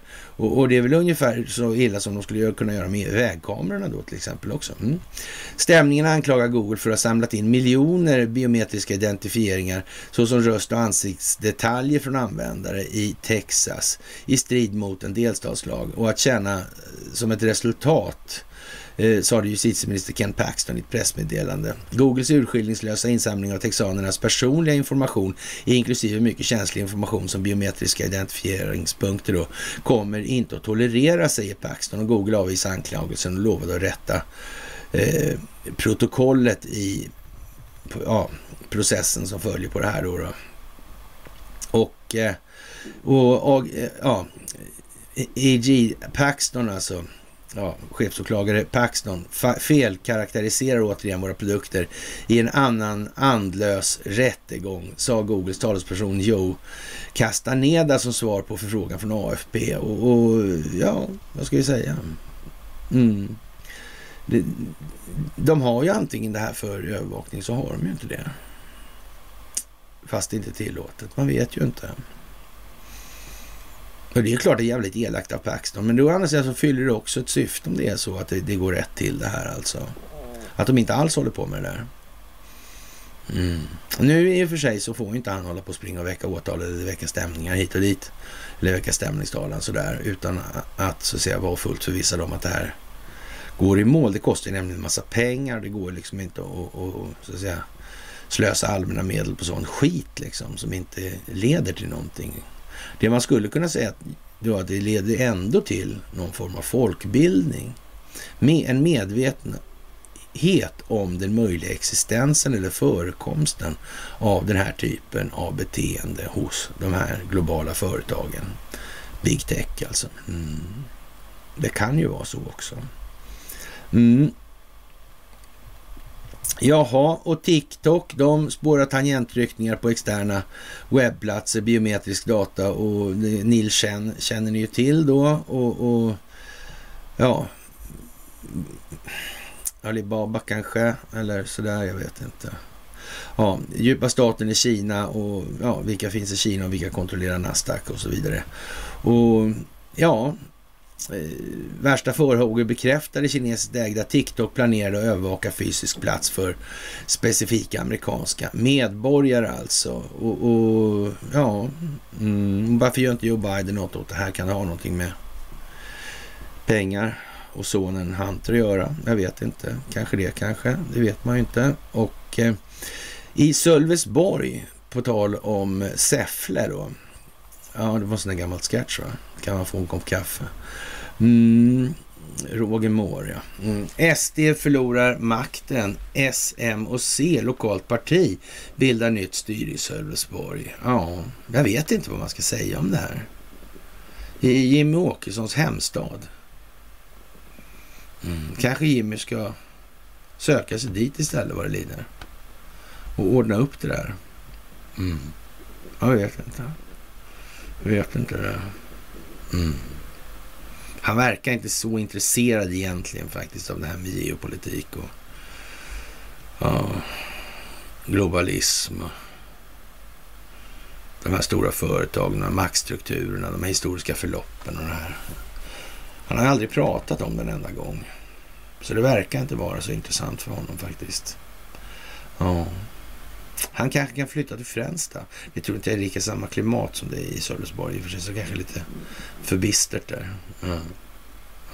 Ja. det där är alltså Riksarkivets mm, nya handläggsenhet av svenska tidningar från 1700-talet och framåt. Mm. Ja, man koncentrerar sig hårt där från 30 och framåt av någon anledning som inte är sådär jättesvår att räkna ut. Mm. Det har varit påfallande mycket. Jag vet ju till och med de som har fått sluta träna på grund av den, alltså rätt så på, måste vara en rätt påtaglig arbetsbelastning ändå. För det har ju varit långt, långt. Det har hållit på sedan 17 det där förresten. Vem blev president i USA då? Mm. Kan han ha en aning om de här grejerna? Ja, ja, Ett tag sa han att han hade svenskt påbrå också. Precis, det har Bush också på något vis. Men den är mer från Värmland och sådär. Jag har någon rot där också i Värmland förresten. Ja, ja, där ser man, där ser man, ja. Ja, det är pinsamt nästan alltihopa det här, måste man ju säga, alltså att det ska behöva. Men, men, det är, ja, eh, det här med, med mediernas bevakning överhuvudtaget alltså. Ja, jag vet inte. Twitter har ju gjort vad de har gjort när de påverkar val och så vidare. Det, det, liksom, det verkar ligga helt och hållet i linje med vissa givna enskilda intressen det här. Mm. Och det blir ju så med medierapporteringen överhuvudtaget, överlag alltså. I så fall. Mm. De, verkar ha, de här intressena verkar ha haft någon form av utvecklad förståelse för att man, man måste nog kontrollera informationshanteringen i det moderna kriget. Mm. Det kan ju vara så att de har räknat ut det alltså. Det ska man inte helt utesluta. Sådär alltså. Och ja, den amerikanska mikrobloggen Twitter kommer få en sällan skådad varselvåg om miljardären och entreprenören Elon Musks uppköpsförsök eh, går i lås den 28 oktober, rapporterar Washington Post alltså. Och, och, Elon Musks planer för Twitter inkluderar bland annat att avskeda 75 procent av arbetsstyrkan under de första månaderna och reducera manskapet från 7 500 till 2 000 enligt tidningen. Och det får man väl säga var rejält. Washington Post ska ha fått del av kommentaren som getts av Elon Musk till investerare i hans försök att anskaffa kapital för att köpa Twitter för då 44 miljarder dollar. Något han själv erkänt är ett överpris givet det senaste halvårets börsras alltså. Mm. Men det måste ju ägarna bli glada, men de är inte sams med riktigt sådär med Twitterledningen. Verkar inte så, nej. nej. Som sagt, bottar och geofencing, ja. Det är ju som det är nu.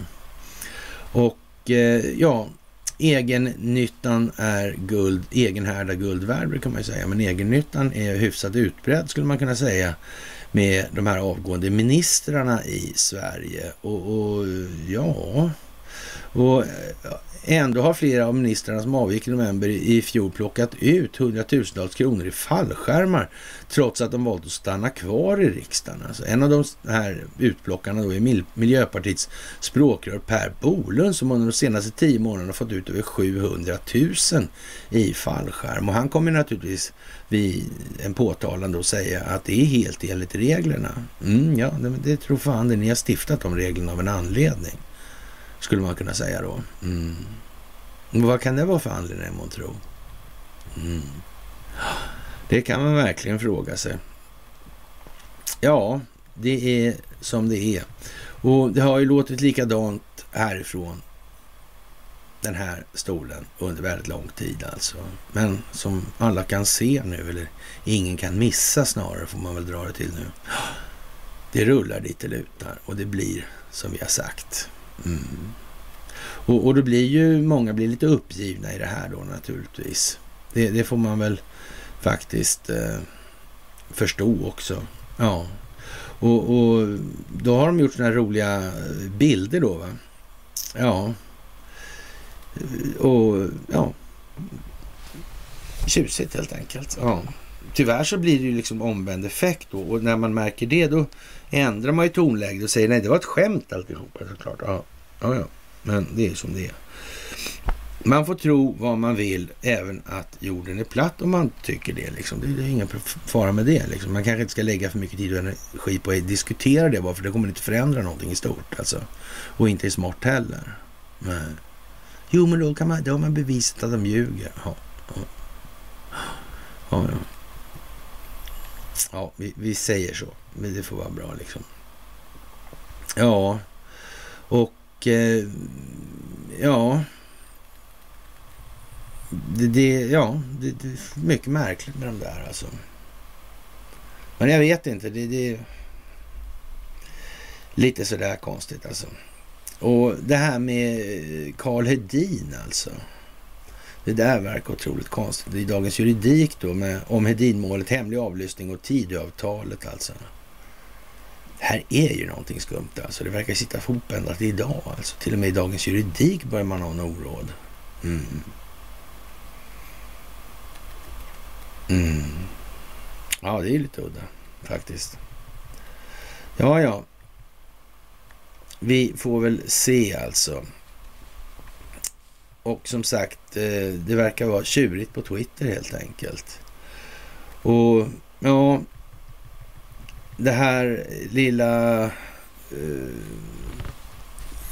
tillställningen med kornukopiska Gotlandscaset alltså. Den ryska diplomatens ilska över svensk NATO-ansökan. Ah. Jag vet inte. Det här med corner-caset, det tror jag nog på faktiskt. Lite allt mer faktiskt. Det måste bli... Eh, dramaturgin måste verka ledande helt enkelt. Det tillräckliga känsloanslag. Det måste bli så.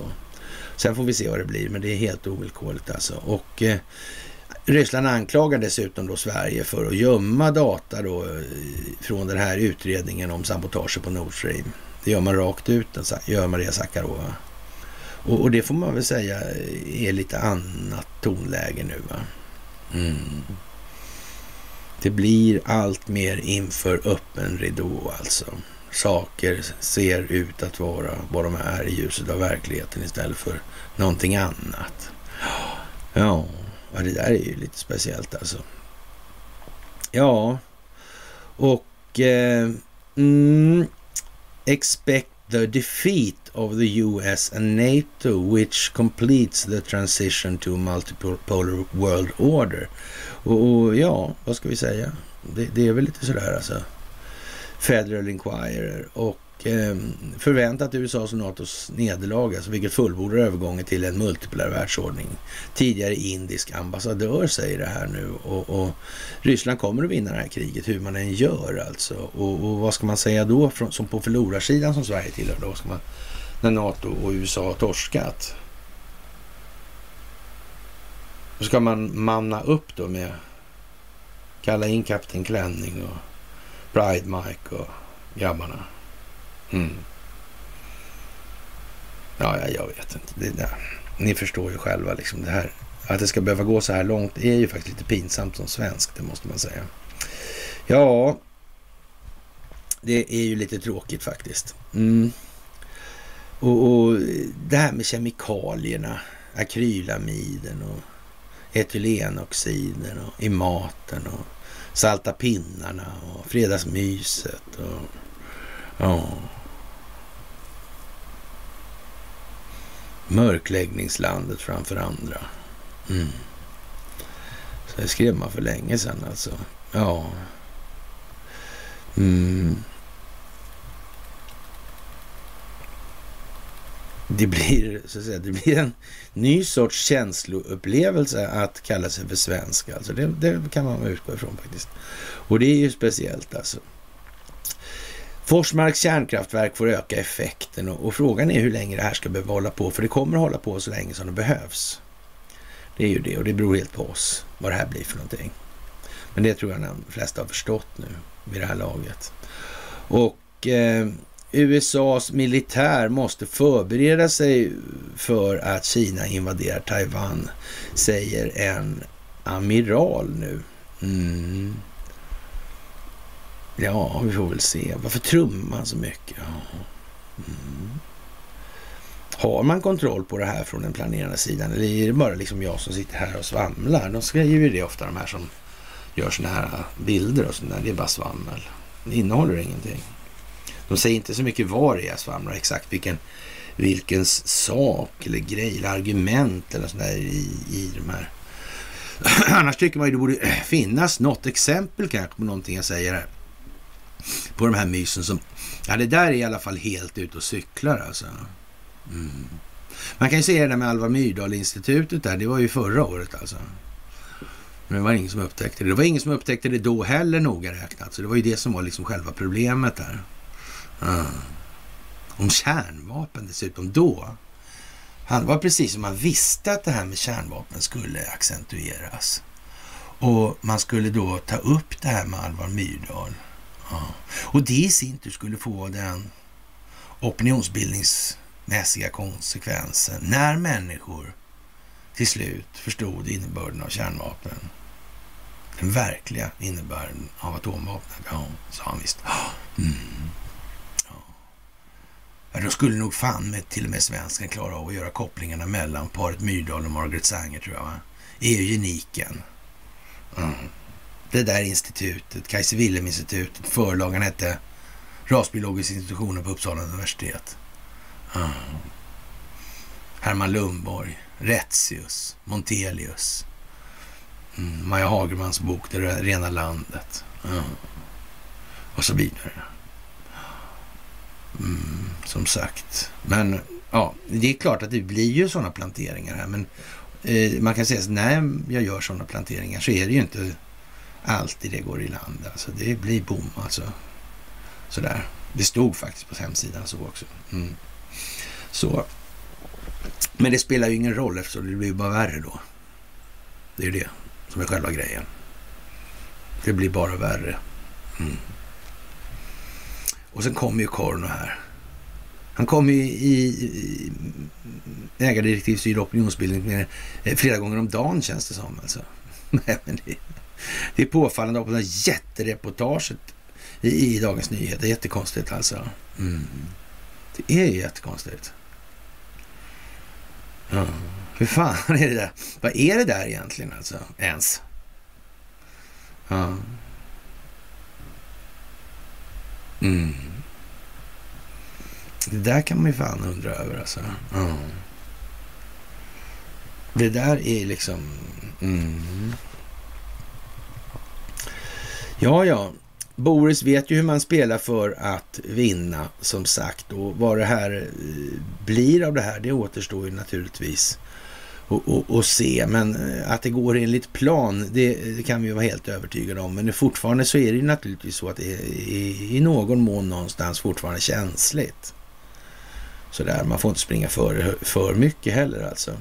Och eh, Ryssland uppmanar USA att förstöra sin arsenal av kemiska vapen i Islam Times alltså.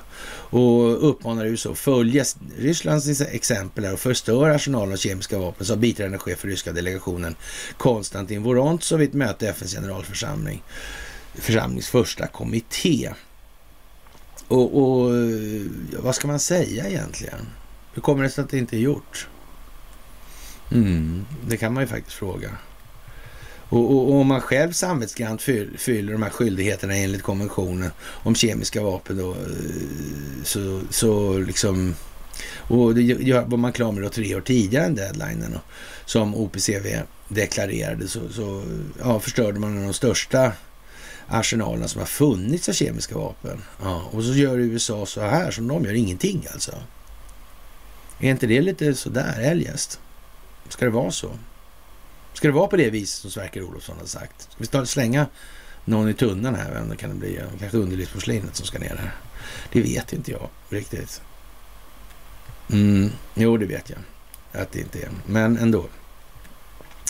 Ja, ja, det är som det är. Och eh, ja, när Wallenberg går ut och säger då att det krävs även vind och vatten för att lösa elkrisen och han är en av de tyngsta näringslivsprofilerna enligt de här religiösa eh, finansdelarna i olika medier. Alltså där, han är ju faktiskt en sån, han är en riktig Jesusfigur alltså.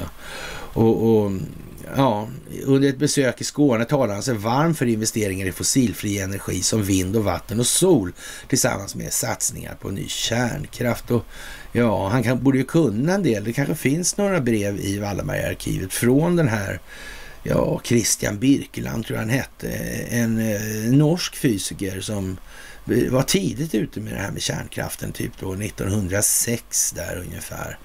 Mm. Han skrev något brev angående det där till, till eh, dåvarande herr Wallenberg-saken. Båda var ju med och startade Norsk Hydro i det här. Mm. Den ena skötte businessen, den andra skötte forskningen. Ja. Alltså det känns lite som när, när Eh, Jakob Wallenberg idag säger att det krävs även vind och vatten för att lösa elkrisen. Då känns det lite som Judaskyssen ändå. Va? Det är väl lite åt det hållet. Mm. Det är nog inte bara Börje som är brygga. Fast jag vet inte, nu, nu känns det som att Börje mer liknar ett hjul. På något vis. Sådär. Mm. Ja, det, det, verkar lite så nästan alltså. Ja. Han gör en wheelie helt enkelt och rullar lite lutar sen. Mm. Och ja, vad, vad, man ska säga. Eh, det här, det här är ju lite sådär, och det här vill ju inte folk heller. Det måste finnas lite rym, spännande rymdödlor, lite spännande Rothschild och lite spännande judekonspirationer. Eller så vill man inte att man ska diskutera att det är familjen Wallenberg sådär. Och, och ja, det, det, jag vet inte varför folk håller på sådär egentligen. Liksom, Eh, tror de på allvar att det, det, handlar det, här, det här handlar i grund och botten om vad?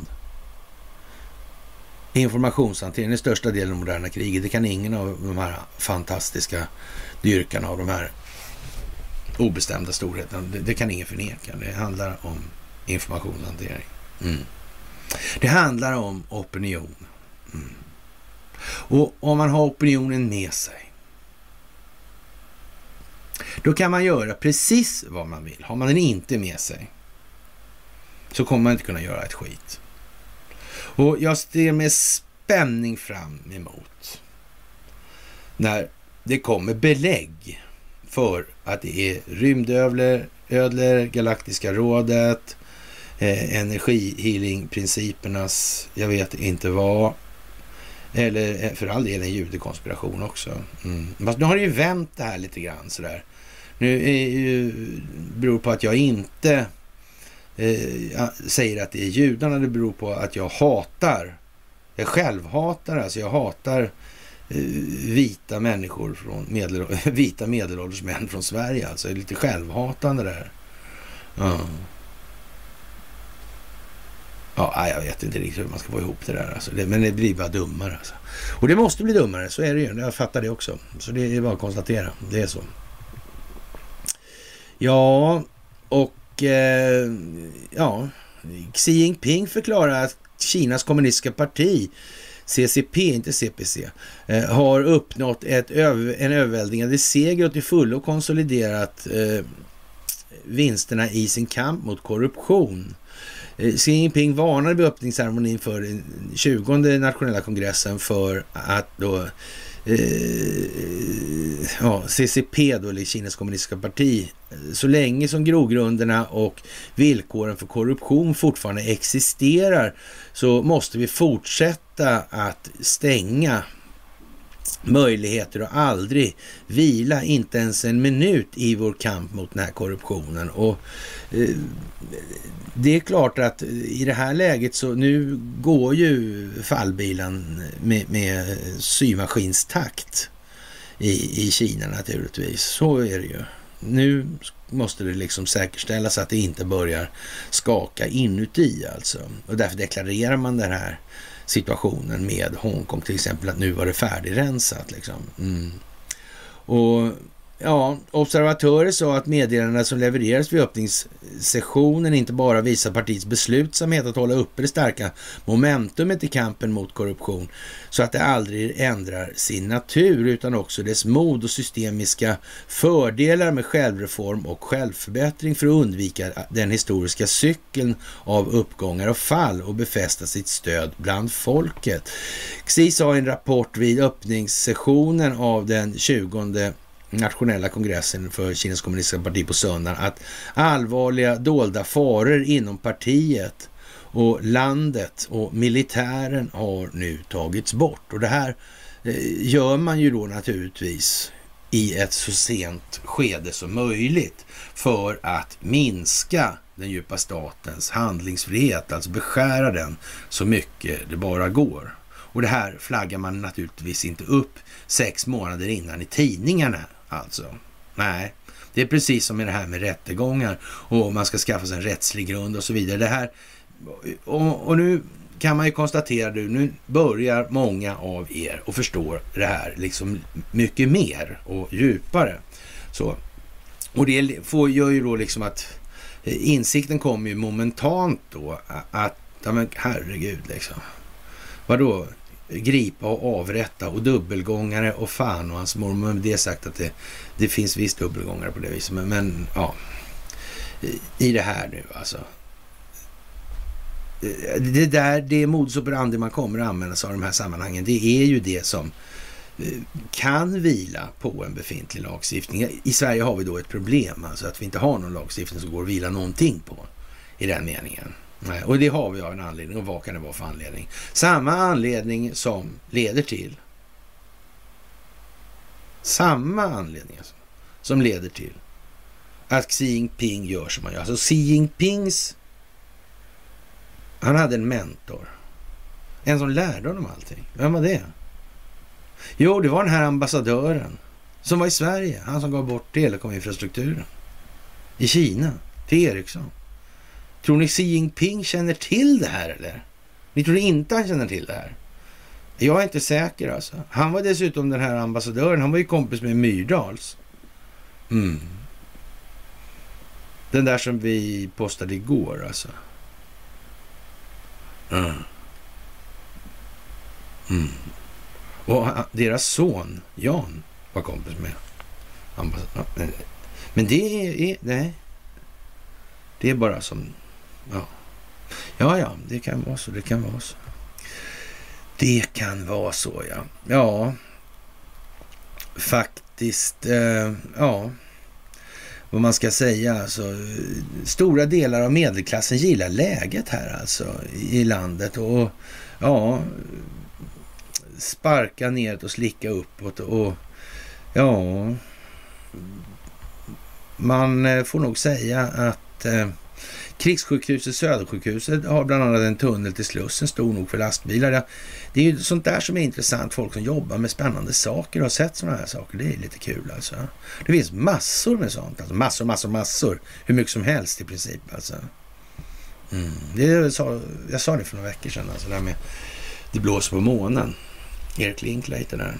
Mm. Guldpuman och Dino Dorindo där. Mm. Domare Strängberg vill inte byta åsikt. Det börjar lukta fisk. De hade stoppat ruttna fiskar bakom elementen och sådär. Alltså.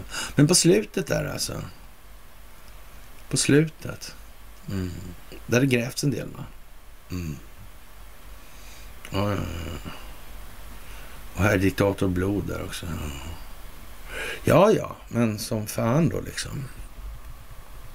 Ja, som sagt alltså, hjärntvätten sitter rätt djupt alltså. Men läser man lite sagor sådär så lättar det upp ju sådär. Om man läser dem för små barn så kan man ju faktiskt måla ut lite grann.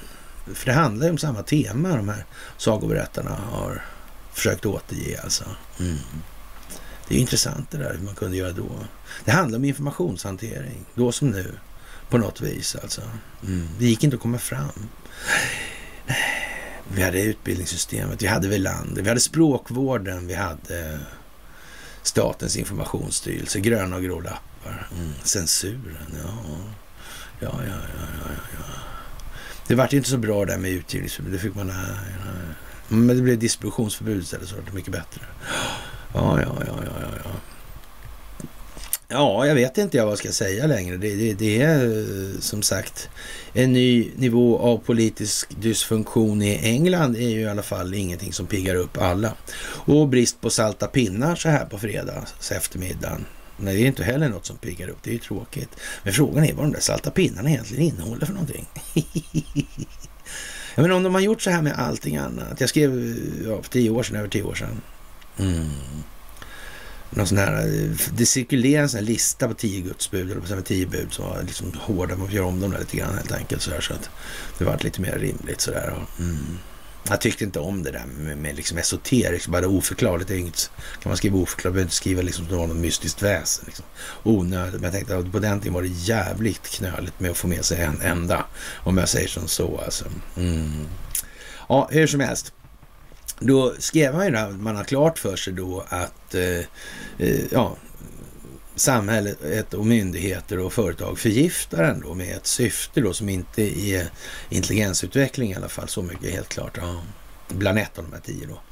Och det mest givna grej idag som ni tycker bara är självklart sådär. Men eh, bara för att belysa liksom att här, den här frågan har ju liksom varit hur klar som helst. Hur länge som helst. Jag menar, om man har, är det samma gäng som äger läkemedelsindustrin? Ja, det tror väl fan då. Att det inte handlar om att friskvårda något alltså. Nej, det är sjukvård som gäller. Mm. Inte hålla sig frisk eller hålla sig sjuk. Eller hålla patienten, vårdobjektet, sjuk. Ja, så är det ju faktiskt. Och ja, det, det är ju lite eh, sådär. Demokraterna är deprimerade. Och det kan man väl ha en viss förståelse för. Och, och Ericsson rasar, rasar på börsen och problemen bara växer alltså. Och, och ja, det, det, är ju liksom lite tråkig historia det här. Vi måste rensa träsket finns det en rubriksättning på Börje med. jag vet inte vad man ska säga egentligen. Och, och, det här verkar ju liksom som upplagt för att det ska gå åt helvete för Ericsson. Kan det vara så? Och ändå är ju det den avgörande faktorn för telekominfrastrukturen i och telekommunikationen alltså i väldigt många länder, typ 184 stycken sådär. Det måste nästan bli så att de länderna får ta ansvar för den typen av verksamhet själva alltså. Mm. Ja, det här kan ju inte ligga i händerna på enskilda vinstmaximeringsintressen. Allra minst när de ägnar sig åt sådana verksamheter som att muta IS till exempel. Det verkar ju direkt eh, omdömeslöst rent ut sagt. Och där man kan väl säga så här att eh, man vill inte kommentera massa saker fr från eh, ja, Erikssons och Ekholms sida i det här. Och han, han slingrar sig ju så eh, mycket han kan alltså. och, och ja, Eh, jag, jag, tror väl någonstans att eh, de flesta inser nu att det här med Ericsson är något otroligt märkligt. Att ingen diktator på 1900-talet faktiskt kom på att det där vore ju bra att ha koll på själv ju. Men istället var det någon annan liksom och sen byttes de här diktatorerna ut. Det blev liksom en eh, parad med sådana där. Mm. Det är konstigt, är det inte det? Jag tycker det är lite konstigt alltså. Det, det, är nästan lite så. Och är det här planerat eller inte då? då? Det är ju det här, alltså finns den djupa staten? Och det spelar ju egentligen inte så mycket roll hur mycket jag sitter och säger det eller ger belägg för det eller visar på omständigheter som ni kan kontrollera själva och så vidare. Men, och, och, men Ja, det, man, man, vill ju inte det helt enkelt. Man vill att det ska vara liksom Rothschild och, och rymdfånarna och vad fan det nu är för någonting. Och, men man kan säga så här, om, om Truth Social registrerades, domännamnet registrerades då för över ett decennium sedan, alltså 2011. Ja, men då, lär väl det, då måste väl ändå något ha varit liksom planerat. Det måste nästan ha varit nere på detaljnivå. Man hade liksom förstått vad man skulle göra med vad i det här. Ja. Och, och, vem var det som förstod? Jo, det var nog en maskin som förstod det här. Alltså som räknade på olika omfall. Mm. Ja. Jag tror faktiskt det alltså. alltså. Den hade en massa ingångsparametrar och i grund och botten baserade på individers preferenskartor. Ja. Och sen har det där utvecklats. Ja. Så vi, det är nog så att vi är mycket mer övervakade än vad vi själva förstår. Mm. Men behöver det enbart vara av ondo? Ja, men det kanske beror lite på syftet hos den där maskinen. Hur, vad har den sagt som ska gälla? Ska den gälla liksom det allmännas bästa? Ja, och, och när man frågar om för det så lär man upptäcka det, att det kanske inte var så jävla bra. Alltså. Det handlar om informationshantering och den kan man säga, den kan du styra. Det är ungefär som ni vet själva då att om man, ja, vad man än gör och tänker nu för tiden så, så nog fan kommer det reklam om det alltså. Det går fort. Mm. Och, och, att telefonen hör till, ja det är ju som det är liksom. Det gör de hur lätt som helst. Om inte annat har de vägkamerorna till hjälp också. Mm. Med biometrisk datainsamling. Mm. Och hitta, hitta telefonen i bilen samtidigt som passerar kameran. Kanske inte är världens svåraste grej liksom. Kanske inte. Nej. Där är vi väl ungefär nu i den här tiden och det här var en mycket, mycket spännande vecka och som sagt, det fanns en senator som visste att George Bush ljög angående de här massförstörelsen av vapnen som Saddam Hussein hade. Det här var 2001 alltså. Han blev alltså uppsö uppsökt då, den här senatorn, av eh, folk från CIA som sa till honom och begär ut de här handlingarna och begär ut de här handlingarna. Och, ja, visade sig vara helt annat. Men sen blev han tyst. Mm. Sen blev han tyst. Och då tänker vi på bonnesen. Hon blev arg. När den här compliance-människan började babbla för mycket. Mm. Samtidigt som hon säljer ut Finansinspektionen. Mm. Men det är inte planerat. Och Truth Social varumärkes, eller säga, men domänregistrerades 2011. Det är ingen planering. Nej. Det är flera årtiondens planering i bara det här skedet. Mm. Det här har pågått mycket, mycket lång tid. Mycket, mycket. Som jag har sagt rätt många gånger. För att göra det enkelt. Ja. Sköna dollarns kyskhetsbälte har vi fått av Roosevelt. När den faller, då får vi ta med fan lite guldregn över stan. Mm. Skuldfriheten, för man fick inte blanda investmentbanking och traditionell inlåningsbankverksamhet. Nej, nej. Så det vart ingen rätt, räntekostnadstillväxt. Det berodde på det alltså. ja, ja, ja, ja. ja. Och när man inte upp, hade upptäckt det först då, sen gjorde man det världsvaluta för att kunna expandera den ytterligare då, för att det inte skulle märka så mycket. Ja, när det var slut så fick man ta bort guldmyntfoten sista delen där 71. Ja. ja, det var ju de tre grejerna som var liksom för som var den offentliga konsumtionen och så däremellan. Ja, lite kallt krig och lite rymdjippo och så. Ja, kära vänner, det är fantastiskt. Det är helt fantastiskt att få göra det här tillsammans med er. Det måste jag säga alltså.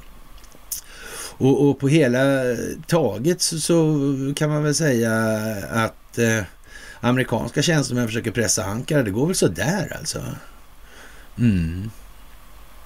Det går väl sådär helt enkelt. Mm. Utan Turkiet vet jag inte om det blir så bra i Mellanöstern för, för NATO. Mm. Ja, då blir det en massa kostnader och ännu mer kostnader. För Turkiet är ju en stor del av det här alltså. Ja, det där är ju märkligt alltså. Mm. Och det är två länder kvar alltså. Det är Ungern och det är Turkiet. Ja, jag vet inte vad man ska säga. Och det, det är väl en trist historia det här överlag för svensk, svensk vidkommande. Och här, vi har en sån här eh, ås, eh, vad man kallar det för alltså, hang-up. Alltså heter någon Ås någonting, alltså då verkar det bli problem alltså. Då verkar det finnas, eh, det här informationshanteringsproblemet verkar accentueras i samband med det alltså. Ja. Mm. Ja, som sagt. Det är ju som det är. Och, och Stefan Åsberg där. Mm, jag vet inte. Och, och, Donald Trump lever ett liv fullständigt marinerad i konspirationsteorier. Ja. Det finns en ny sån här jävla åsstjärna som heter Erik Åsard då. då. Ja. Åsnard kanske eller uh, ja. Åsretard. Det finns ju en massa sådana här. Jag vet inte varför de hela tiden väljer samma, men det gör de i alla fall. Det är jättekonstigt. Och ja, som sagt, dränera träsket gäller nu för Börje och som står med hårbotten uppkörd i VA-gången. Mm. Jag vet inte, det, det är ju som sagt eh, originellt eller så kanske. Ja, med det kära vänner så tror jag vi har väl eh, kommit fram till eh, helgen så här. Och dramatiken ökar ju sakta och skönt så det blir liksom inga jättehopp. Men eh, det börjar ju bli dags att splittra på de här. Man orkar, eller man hinner ta egentligen på ett lagom långt mys, hinner man ta de senaste fem timmarna liksom. Det är vad analysen kan gälla. Det, det andra får liksom skjuta av. Därför blir det så här nu. Ja, som sagt, det beror inte på inflation och det, ja, som sagt, det är det valutafinansiella systemet som är skuldmättat och allt det här vet ni och ni är fantastiska. Och med det så får jag väl tacka för det här fredagsmyset och ja, som sagt, Riksarkivets utbyggnad i Fränsta. Jag tycker det var fantastiskt. Roligt. Mm. mm ska tydligen vara någonting i Kolmården också, något litet jippo. Jag undrar om inte Holmen hade med saken jag körde tidigare först. Men jag kan tänka på det där lite. Kör det igen och lyssna på det. Jag, jag tror det innehåller mer än vad ni hörde när jag sa det första gången. Så ni kan lyssna på det den gången och tänka och använd datorn och så sök lite på saker vi har pratat om. Använd Google och använd sökfunktioner på bloggen. Så ska ni se att ni kommer hitta massa konstiga saker. Det har med padel att göra också förresten. Ikea också. Mm. Vad har det att göra med det? Jag har ju det. Mm. Aktiebolagslagen har också med att göra. Mm. Det sitter liksom ihop det där lite konstigt vävt. Någon har tänkt till, någon har planerat. Planerat länge. Så mm, man kan säga att det har nog gått ja, ända bak till 80-talet. Så skulle jag tro. Helt säkert. Mm. Saibab. Mm. Ja, ja. Ja, ja. Med det, kära vänner, så önskar vi varann en trevlig helg. Ni är bara så jävla bäst på planeten. Det här är jätteroligt. Okej, okay. trevlig helg.